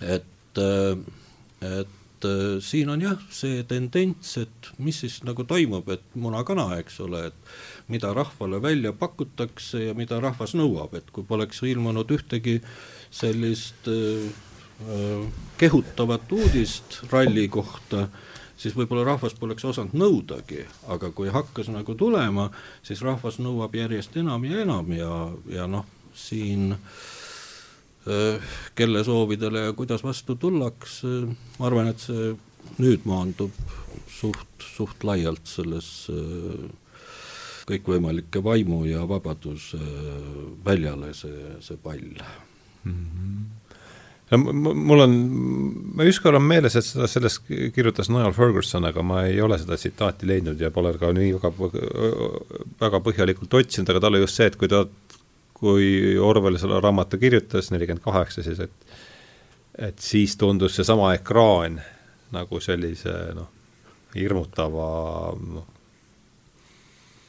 selgelt hirmutav kujund, aga nüüd vaatame siin äh,, brittidel on sari Big Brother, nii väitis tema vähemasti, kus lihtsalt äh, mingi kamp poolemeelseid kutsubki endale kaamera koju ja aelebki terve päeva selle, selle, selle kaamera ees, niisugune reaalne reality või reaalne seda vist tehti isegi mitmetes maades. sakslased et, tegid äh, seda no, ja see on ja, nagu jah, jah, jah, jah, sellele pandi jah, lihtviisiliselt suur vend nimeks ja jah. mida sellest kõigest vaevalt. käed langevad rippu sõnad saavad otsa jõuetus tuleb peale, jah, ei, optimismi ei toida kuidagi katsata. no ma nüüd, ma oskan väga väheseid inimesi tsiteerida ja mitte kedagi täpselt, aga Põkov, vene kirjanik, kes, keda on meilgi piisavalt, Dmitri Põkov, jah tema on nagu seesama, kes, see elus olev praegu? jah ja, ja, see on väga huvi-, ma olen teda vaadanud Youtube'i loenguid, väga huvitavad on. tema korduvalt on öelnud erinevates äh, kontekstides, et, et see sotsiaalmeedia ja üldse meedia, et, et praegu toimub äh, evolutsiooniline jagunemine. et äh, üks osa läheb siis nagu selle sotsiaalmeedia ja muu meedia teed ja teine osa siis, keda tema muidugi armastab ja elitaarseks nimetab, need on need, kes eksisteerivad eraldi sellest äh, sotsiaalmeediast ja, ja muust äh, tingeltangelist ammugi, eks ju. et äh, see mõte tundub mulle tegelikult päris suht selline usutav, piisavalt usutav, et seda korrata ja tsiteerida mm. -hmm. sest noh, Hiina on ju nagu, nagu natukene meist ees, ehkki meie väidame vastupidist, aga seal see, et kodanikke hakkab mingi keskarvuti hindama ja paneb neile vastavaid hindeid ja sellest oleneb nende igapäevane elu ja sellest saab ju teha otseselt järelduse, et inimesed evolutsiooniliselt hakkavad käituma niimoodi, et et keskarvuti annaks neile paremaid hindeid, nende noh, välisreis ja mis iganes, töökoht, laenu saamine, kõik oleneb sellest, eks ole, et siis toimubki nagu Orwell steroididel ikkagi tundub. no jah, jah, jah. mingil ja, määral, eks ole. juba ikka kõvasti on üles pumbatud küll, jah aga siin veel väga huvitavaks on siin lõpp läinud siin, et ähm, käis läbi äh, veel üks niidiots, mida tahaksin sikutada, G5 ja ma ei tea, sest ma tean, et see on, kuivõrd Rünno selle mõtte välja käis, et mida, mis tuu on üldse see ma tean, et see on mingi järgmine põlvkond, äh, ma olen üritanud siit-sealt ka aru saada, et mida, mida see nüüd võimaldab siis seda, mida võimaldab G5? sest sisuliselt ma, tehnoloogiliselt, mis on ju juhtunud, on see, eks, et inimese jälgimise kulu äh, on ju kukkunud äh, noh, äh, kes paneelina äh, pilvelõhkuja katuselt, et kuhu, kust ta sealt veel, kuhu G5 veel selle asja veel võiks, võiks ajada? Et on, ma ei tea, kas ta on, olete selle, ma olen selles tehnoloogias äh, ikkagi võhik, et kuulaks hea meelega. mina ilmselt rohkemgi võhik, ma lihtsalt mõtlen seda, et noh, need justkui fantaasiafilmid, ma arvan, et neid on tehtud ka juba vähemalt kümme aastat, kui mitte rohkem, kus, kus noh, nagu ongi küsimus, ellujäämise küsimus teistsugusel. Ongi see, et, et kuidas olla nii-öelda võrgu ulatusest väljas, mis nipiga elada ära nii, et sa, et sa, et sa ei puutu võrgundusse kuidagi. et noh, ma ei tea, kas see reaalselt enam saavutatav on, aga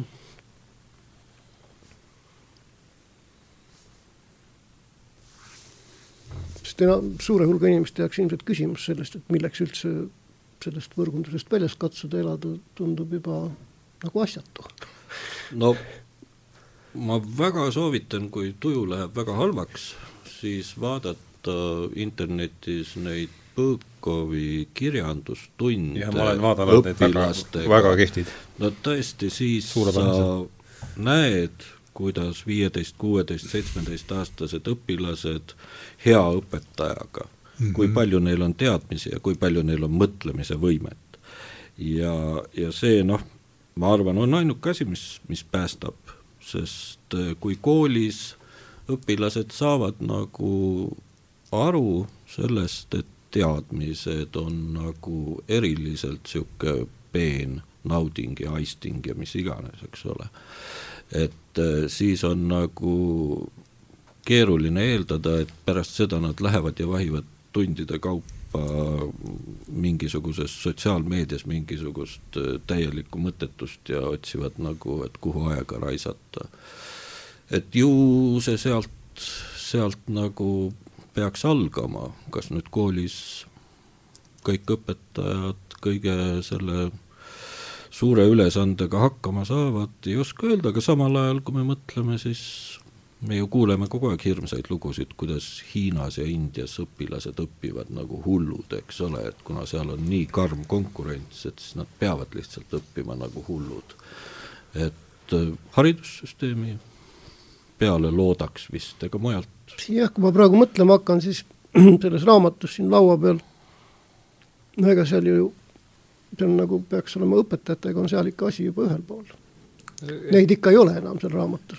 välja surnud liik vist üldse ei mainita. ei, ma ei, mul ei tule, mul ei tule ka ette, ma no. muidugi nii, mälu pole nii. ja õpetama, õpetajate peale peaks nagu alati lootma. noh, jääb ainult loota, et õpetajaid osatakse ühiskonnas laiemas plaanis hinnata no,. hea, hea õpetaja on ikkagi äärmiselt kallis vara ja, ja muidugi üks asi, mis äh, hakkasime, see, mis siin käis läbi, et toimub see evolutsiooniline kaheks hargnemine, ega see on ju, tuletame meelde, et äh, tuhande üheksasaja kaheksakümne neljas on ju ka proled, et see, mis äh,, see, mida me siin näeme sellise õudusena äh,, on, puudutab ikkagi parteiliikmeid, et proledel noh, see õudus on tõenäoliselt teistmoodi, aga neil vähemasti äh, Äh, ja, ja see haakub omakorda natuke selle, mis ta on, Wellsi, on ta Herbert või? see aja, ajaränduri Elo-, Eloide ja läpatuustidega, et või eks me hakkame kohe siin ka otsi kokku tõmbama, aga et see oleks vii, üks, üks viimastest pallidest, mille ma, mille viskaks üles siin, et kuidas äh, veelgi, et ei oska täpselt äh, isegi küsimust siin formuleerida, et lihtsalt teemana. minul on, minul on versi lugemise koha peal auk suuresti, pean ma tunnistama. mina annan selle koha peal ka täiesti alla kohe ilma võitluseta jah, aga just see, noh, pigem see kaheks, jääme siis Orwelli juurde, see partei evolutsiooniline, ta tuli siit seoses Põlkoviga tuli see teema mm. sisse veel, eks, et see mm. kohe viis mu mõtte sinna äh, prolede ja parteilaste juurde, et kuidas, kas äh, on siin midagi, mis, mingi assotsiatsioon, mis võimaldaks vestlust veel natuke üleval hoida mõne minuti? Ei, see on kiiduväärne soov ja teadus igal juhul, aga, aga ma ei tea jah, selle, eks selle prolede kui klassiga ju, kas see on nüüd ainult nii-öelda ajude puuderdamine, et katsutakse juba ammu väita, et, kus nad nagu on või, või kes nad on või kui palju neid veel on või? aga kui sa mõtled Marxi proletaarlasi no ja nendega, nendega on suhteliselt, nendega on kehvasti või neid on kä-, käelise oskusega prolesid on, noh, neid on, aga ja no ilmselt me peame seda prole mõistet, et ta natukene sellesse kohalikes oludes oleks äh, rakendatav, me peame siin kuidagi äh, teda niimoodi abstraheerima, abstraheerima, just, jah. ja. Nähtusena ma ei usu, et ta saab kuhugi kaduda, et see dihhotoomia tõenäoliselt on midagi, mis on ka meil siin. aga kuidas on meil täpselt küsimus, probleem uh, ja probleem oli selles, et ta tuli, see evolutsiooniline, evolutsiooniline kaheksargnemine ja. ja siis ma lihtsalt haarasin sellest kinni, et et ähm, jah, vot see on nüüd nüüd peaks täpsemalt küsimuse formuleerima, see on küll, et et kuidas see võiks, kuidas, küsi, küsi siis niimoodi, et kuidas see evolutsiooniline kaheksargnemine võiks äh, edasi kulgeda nende, nende reltside peal, mida, mille, mille Orwell seal nüüd paika, paika paneb just see äh, prolede ja parteilaste. Orwell nagu täpselt ei ütlegi, kuidas sinna saadi, sinna saadi, sellepärast et ei ütle jah, see on etteantus juba, eks. vahetevahel nagu kõnnivad ringi mingid vanemad inimesed ka, keda see Winston Smith püüab nagu öö, seda informatsiooni öö, eks ole, nende käest õngitseda, et räägi, kuidas vanasti elu mis oli tal, ja mis tal küll päris hästi välja ja mis lakeid tegid ja lakeisid mäletad ja nii edasi ja,. no et, lakeid mul ei tule mulle enam meelde. oli küll, niisugune sõna oli ka, jah ja.. lisaks õlletoobi suurusele oli, oli lakeide küsimus ka, jah ja, ja.. kusjuures see oli sõna, mida üks vanataat nagu mäletas vot need inimesed seal vahel, nagu ja. keda tema otsib, et need tunduvad mulle nagu mingid Tartu vaimu esindajad praegu, et et käiks ja vaataks ja küsiks, et kuule, kuidas oli sel ajal veel, et, et võib-olla nagu, nagu see on realismiga siin kokkupuutekoht, sisering on nomenklatuur, eks ole, või noh, see parteiring on nomenklatuur, aga aga noh, see prolede koht on, sinna meil vist läheb ikka nagu evolutsiooniliselt läheb vist aega. et et äh, Orwellil nagu oli see juhtunud kuidagi väga ruttu ja kähku, et äh, no igal juhul keegi enam nagu ei mäletanud üldiselt Winstoni ümber, millal see juhtus ja kuidas. see oli juba tolleks ajaks väga hämar, kui asi raamatus käima läheb. kuna seda jah, seda, kuidas sinna jõuti, sellest ei ole Winstonil on ka nagu mingi veel, mingi hämarad, mingid pudemed olnud, noh, ta otsib millegi järgi midagi. on mingid mälestuse raasukesed on nagu olemas ma arvan, et siin on üks vahe selles ka, et meie viibime praegu selles kahe tuhande kahekümnendas aastas ja kujutame ette, kuidas siit võiks nagu prolet tekkida. tema viibis, eks ole, neljakümnendate aastate lõpus ja ütleme, see sotsiaalne värk oli natukene teistsugune, et ta nagu no, suht need prolet-, elementaarse ta nägi neid enda? jah, ta tõstis need nagu ümber hilisemasse aega, et ei olnud toimunud ühiskonnas vahepeal neid äh, teenindava personali kasv, mis iganes selliseid muutusi. ja, ja ei no muidugi jah. tehasetöölisi oli nagu tol ajal rohkem, eks ju nojah, see siis oli ikka selles, seda ju kõik need suured sõjatehased olid ju veel mm, -hmm. kõik ju veel hakati need no ja muidugi ta tõstab selle asja ka sõjaolukorda, permanentse sõjaolukorda, mis on muidugi nagu selles mõttes teine, et natukene karmim kui see meie praegune permanentse mingisuguse asja olukord, kus noh, kuskil sõditakse küll, aga see pole ikka võrreldav sellega, mida tema kujutab. et ma arvan, et oota, tuumapommid on ka käraka ära teinud või? ikka vist jah. jaa, ikka ja, on meil. nüüd käib juba nagu rohkem niisama selliste rakettide, üksikute rakettidega ja, see tuleb meil aeg-ajalt käib mõni pauk, eks ju. aga jah, et ma arvan, et noh, ega tema raamat on ju väga palju sellest Teise maailmasõja Inglismaa kogemusest lähtuv, et ta sealt nagu venitas selle protsessi edasi viiskümmend aastat või natuke vähem. nojah, ja siis on see kogu kodusõja kogemus ka veel seal ees temal konkreetselt. et noh, sealt ta nagu korjas need proled asja korjas nagu natukene teistmoodi, kui meie siin praegu saaksime arutada. me peame kuidagi need ümber oma keeles need no ta ongi jah see küsimus, et kus nad on ja millised nad on, jah. kui võtta niimoodi partei ja majandusaktiiv ja armas ilmarahvas, siis hakkab juba niimoodi looma natuke seda, seda et küsimus on kaksikjaotust. küsimus on lihtsalt selles, et kui palju me selle nii-öelda mis reaalsuseks me seda nimetame, hüperreaalsuseks või, või arvutimaailmaks või mis iganes, eks ole, et äh, kuidas me selle siia sisse kirjutame.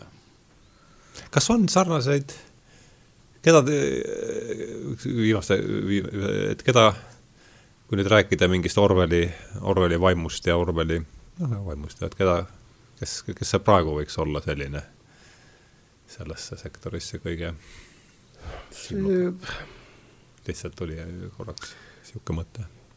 see vist on teist, tähendab noh, see nii-öelda antiutoopiate ja düstoopiate kirjandus on ilmselt ikkagi nii massiliselt olemas juba kaua aega, et kui sellega kokku ei puutu ja seda nagu ei uuri, siis nagu autoreid pidi, olemata seda lugenud hmm., ei oska lihtsalt nimetada miskipärast just see meeleolu pealt tuleb natukene see Uellebeki saare, saare võimalikkus miskipärast natukene no natukene mingi niisugune ma ei teagi, noh, ma tulen üldse sellest, et nii vähe lugen, nii vähe lugenud seda kirjandust, et siis noh, kõik näeb, mis on nelja jalga ka Põhja-Võtra meenutama. aga me olemegi jõudnud, kaks tundi siin on läinud heas seltskonnas nagu niuhti, et äh, iga korralik raadiosaade peab ju lõppema ometigi üleskutsega või selgete kirjeldustega siis ka raadiokuulajatele, mida nüüd peab tegema hakkama kuulda põhjal, et mis, siin käis juba läbi see, et äh, haridus on ja et, äh, et üks võimalus selle, kui seda pidada hirmuäratavaks äh, stsenaariumiks, et kutsuda endale ise kaamera koju ja hakkad selle ees aelama, et siis üks, üks rohi selle vastu on lugeda raamatuid tõenäoliselt. ma arvan küll, et kindlasti see ka, jah. Orwellit ennast kas või? ka Orwelli jah, ja, ja ega head kirjandust ei ole maailmas vähe. erinevat head kirjandust ei ole sugugi vähe, aga noh, viitsimist lugeda ja viitsimist kas või katsuda mõelda, noh, need on, need on asjad, mida tasub nagu kalliks pidada küll jah, midagi väga, väga selles mõttes vapustavat ju ei suuda välja pakkuda, kui, kui suudaks, siis, siis pakuks, aga noh mm,,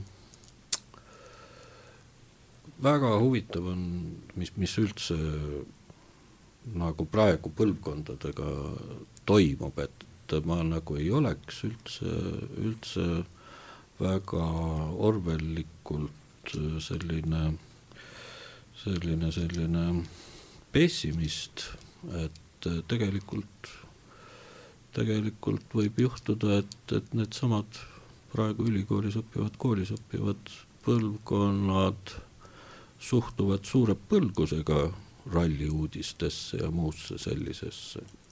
ma kohe kuidagi ei usu, et kooliõpilased loevad ralliuudiseid Äh, kui loevad, siis palun andke mulle teada. et, äh, et ma arvan, et, et see vastandumine, mis ikka toimub aeg-ajalt, et vanem põlvkond on selline, meie oleme nüüd hoopis sellised, et ühel hetkel see hakkab ikkagi mängima. et äh, selle peale, kui me praegu näeme, et äh, inimesed on hukas ja ja massimeedia teeb seda, teist ja kolmandat, siis ma arvan, et äh, toimub see loomulik protsess, mis inimkonda elus hoiab, et üks põlvkond ütleb, et meile teie massimeedia jama ja teie need show'd, mida reality show'd jah, et need ikka tunduvad äärmiselt nõmedad. Ja neil on muidugi õigus ja nad hakkavad midagi muud tegema. et ma tahaks nüüd äh, nagu hea raadiosaade peab olema ikkagi mingit niisugust optimismi sisendada. jah, Orwelli tuhat üheksasada kaheksakümmend neli ei ole raamat, mille mille pealt tingimata optimismi sisendada.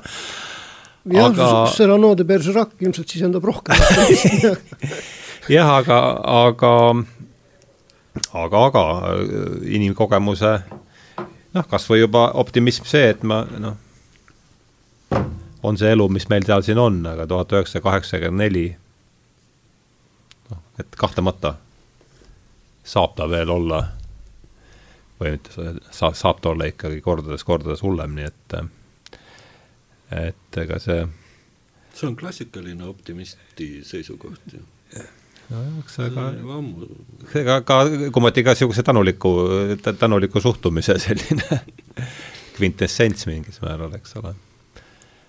et äh, aga mis ma ikka oskan öelda, et äh, optimistlik raamat, kes tahab äh, lugeda midagi väga optimistlikku, siis tõenäoliselt on Orwelliga tuhat üheksasada kaheksakümmend neli ei oleks mu esimene soovitus, aga kes tahab inimlooma ja enda kohta midagi tundma õppida, siis see on, ma arvan, üks, üks olulisemaid teoseid küll, mida mina viimasel ajal olen lugenud.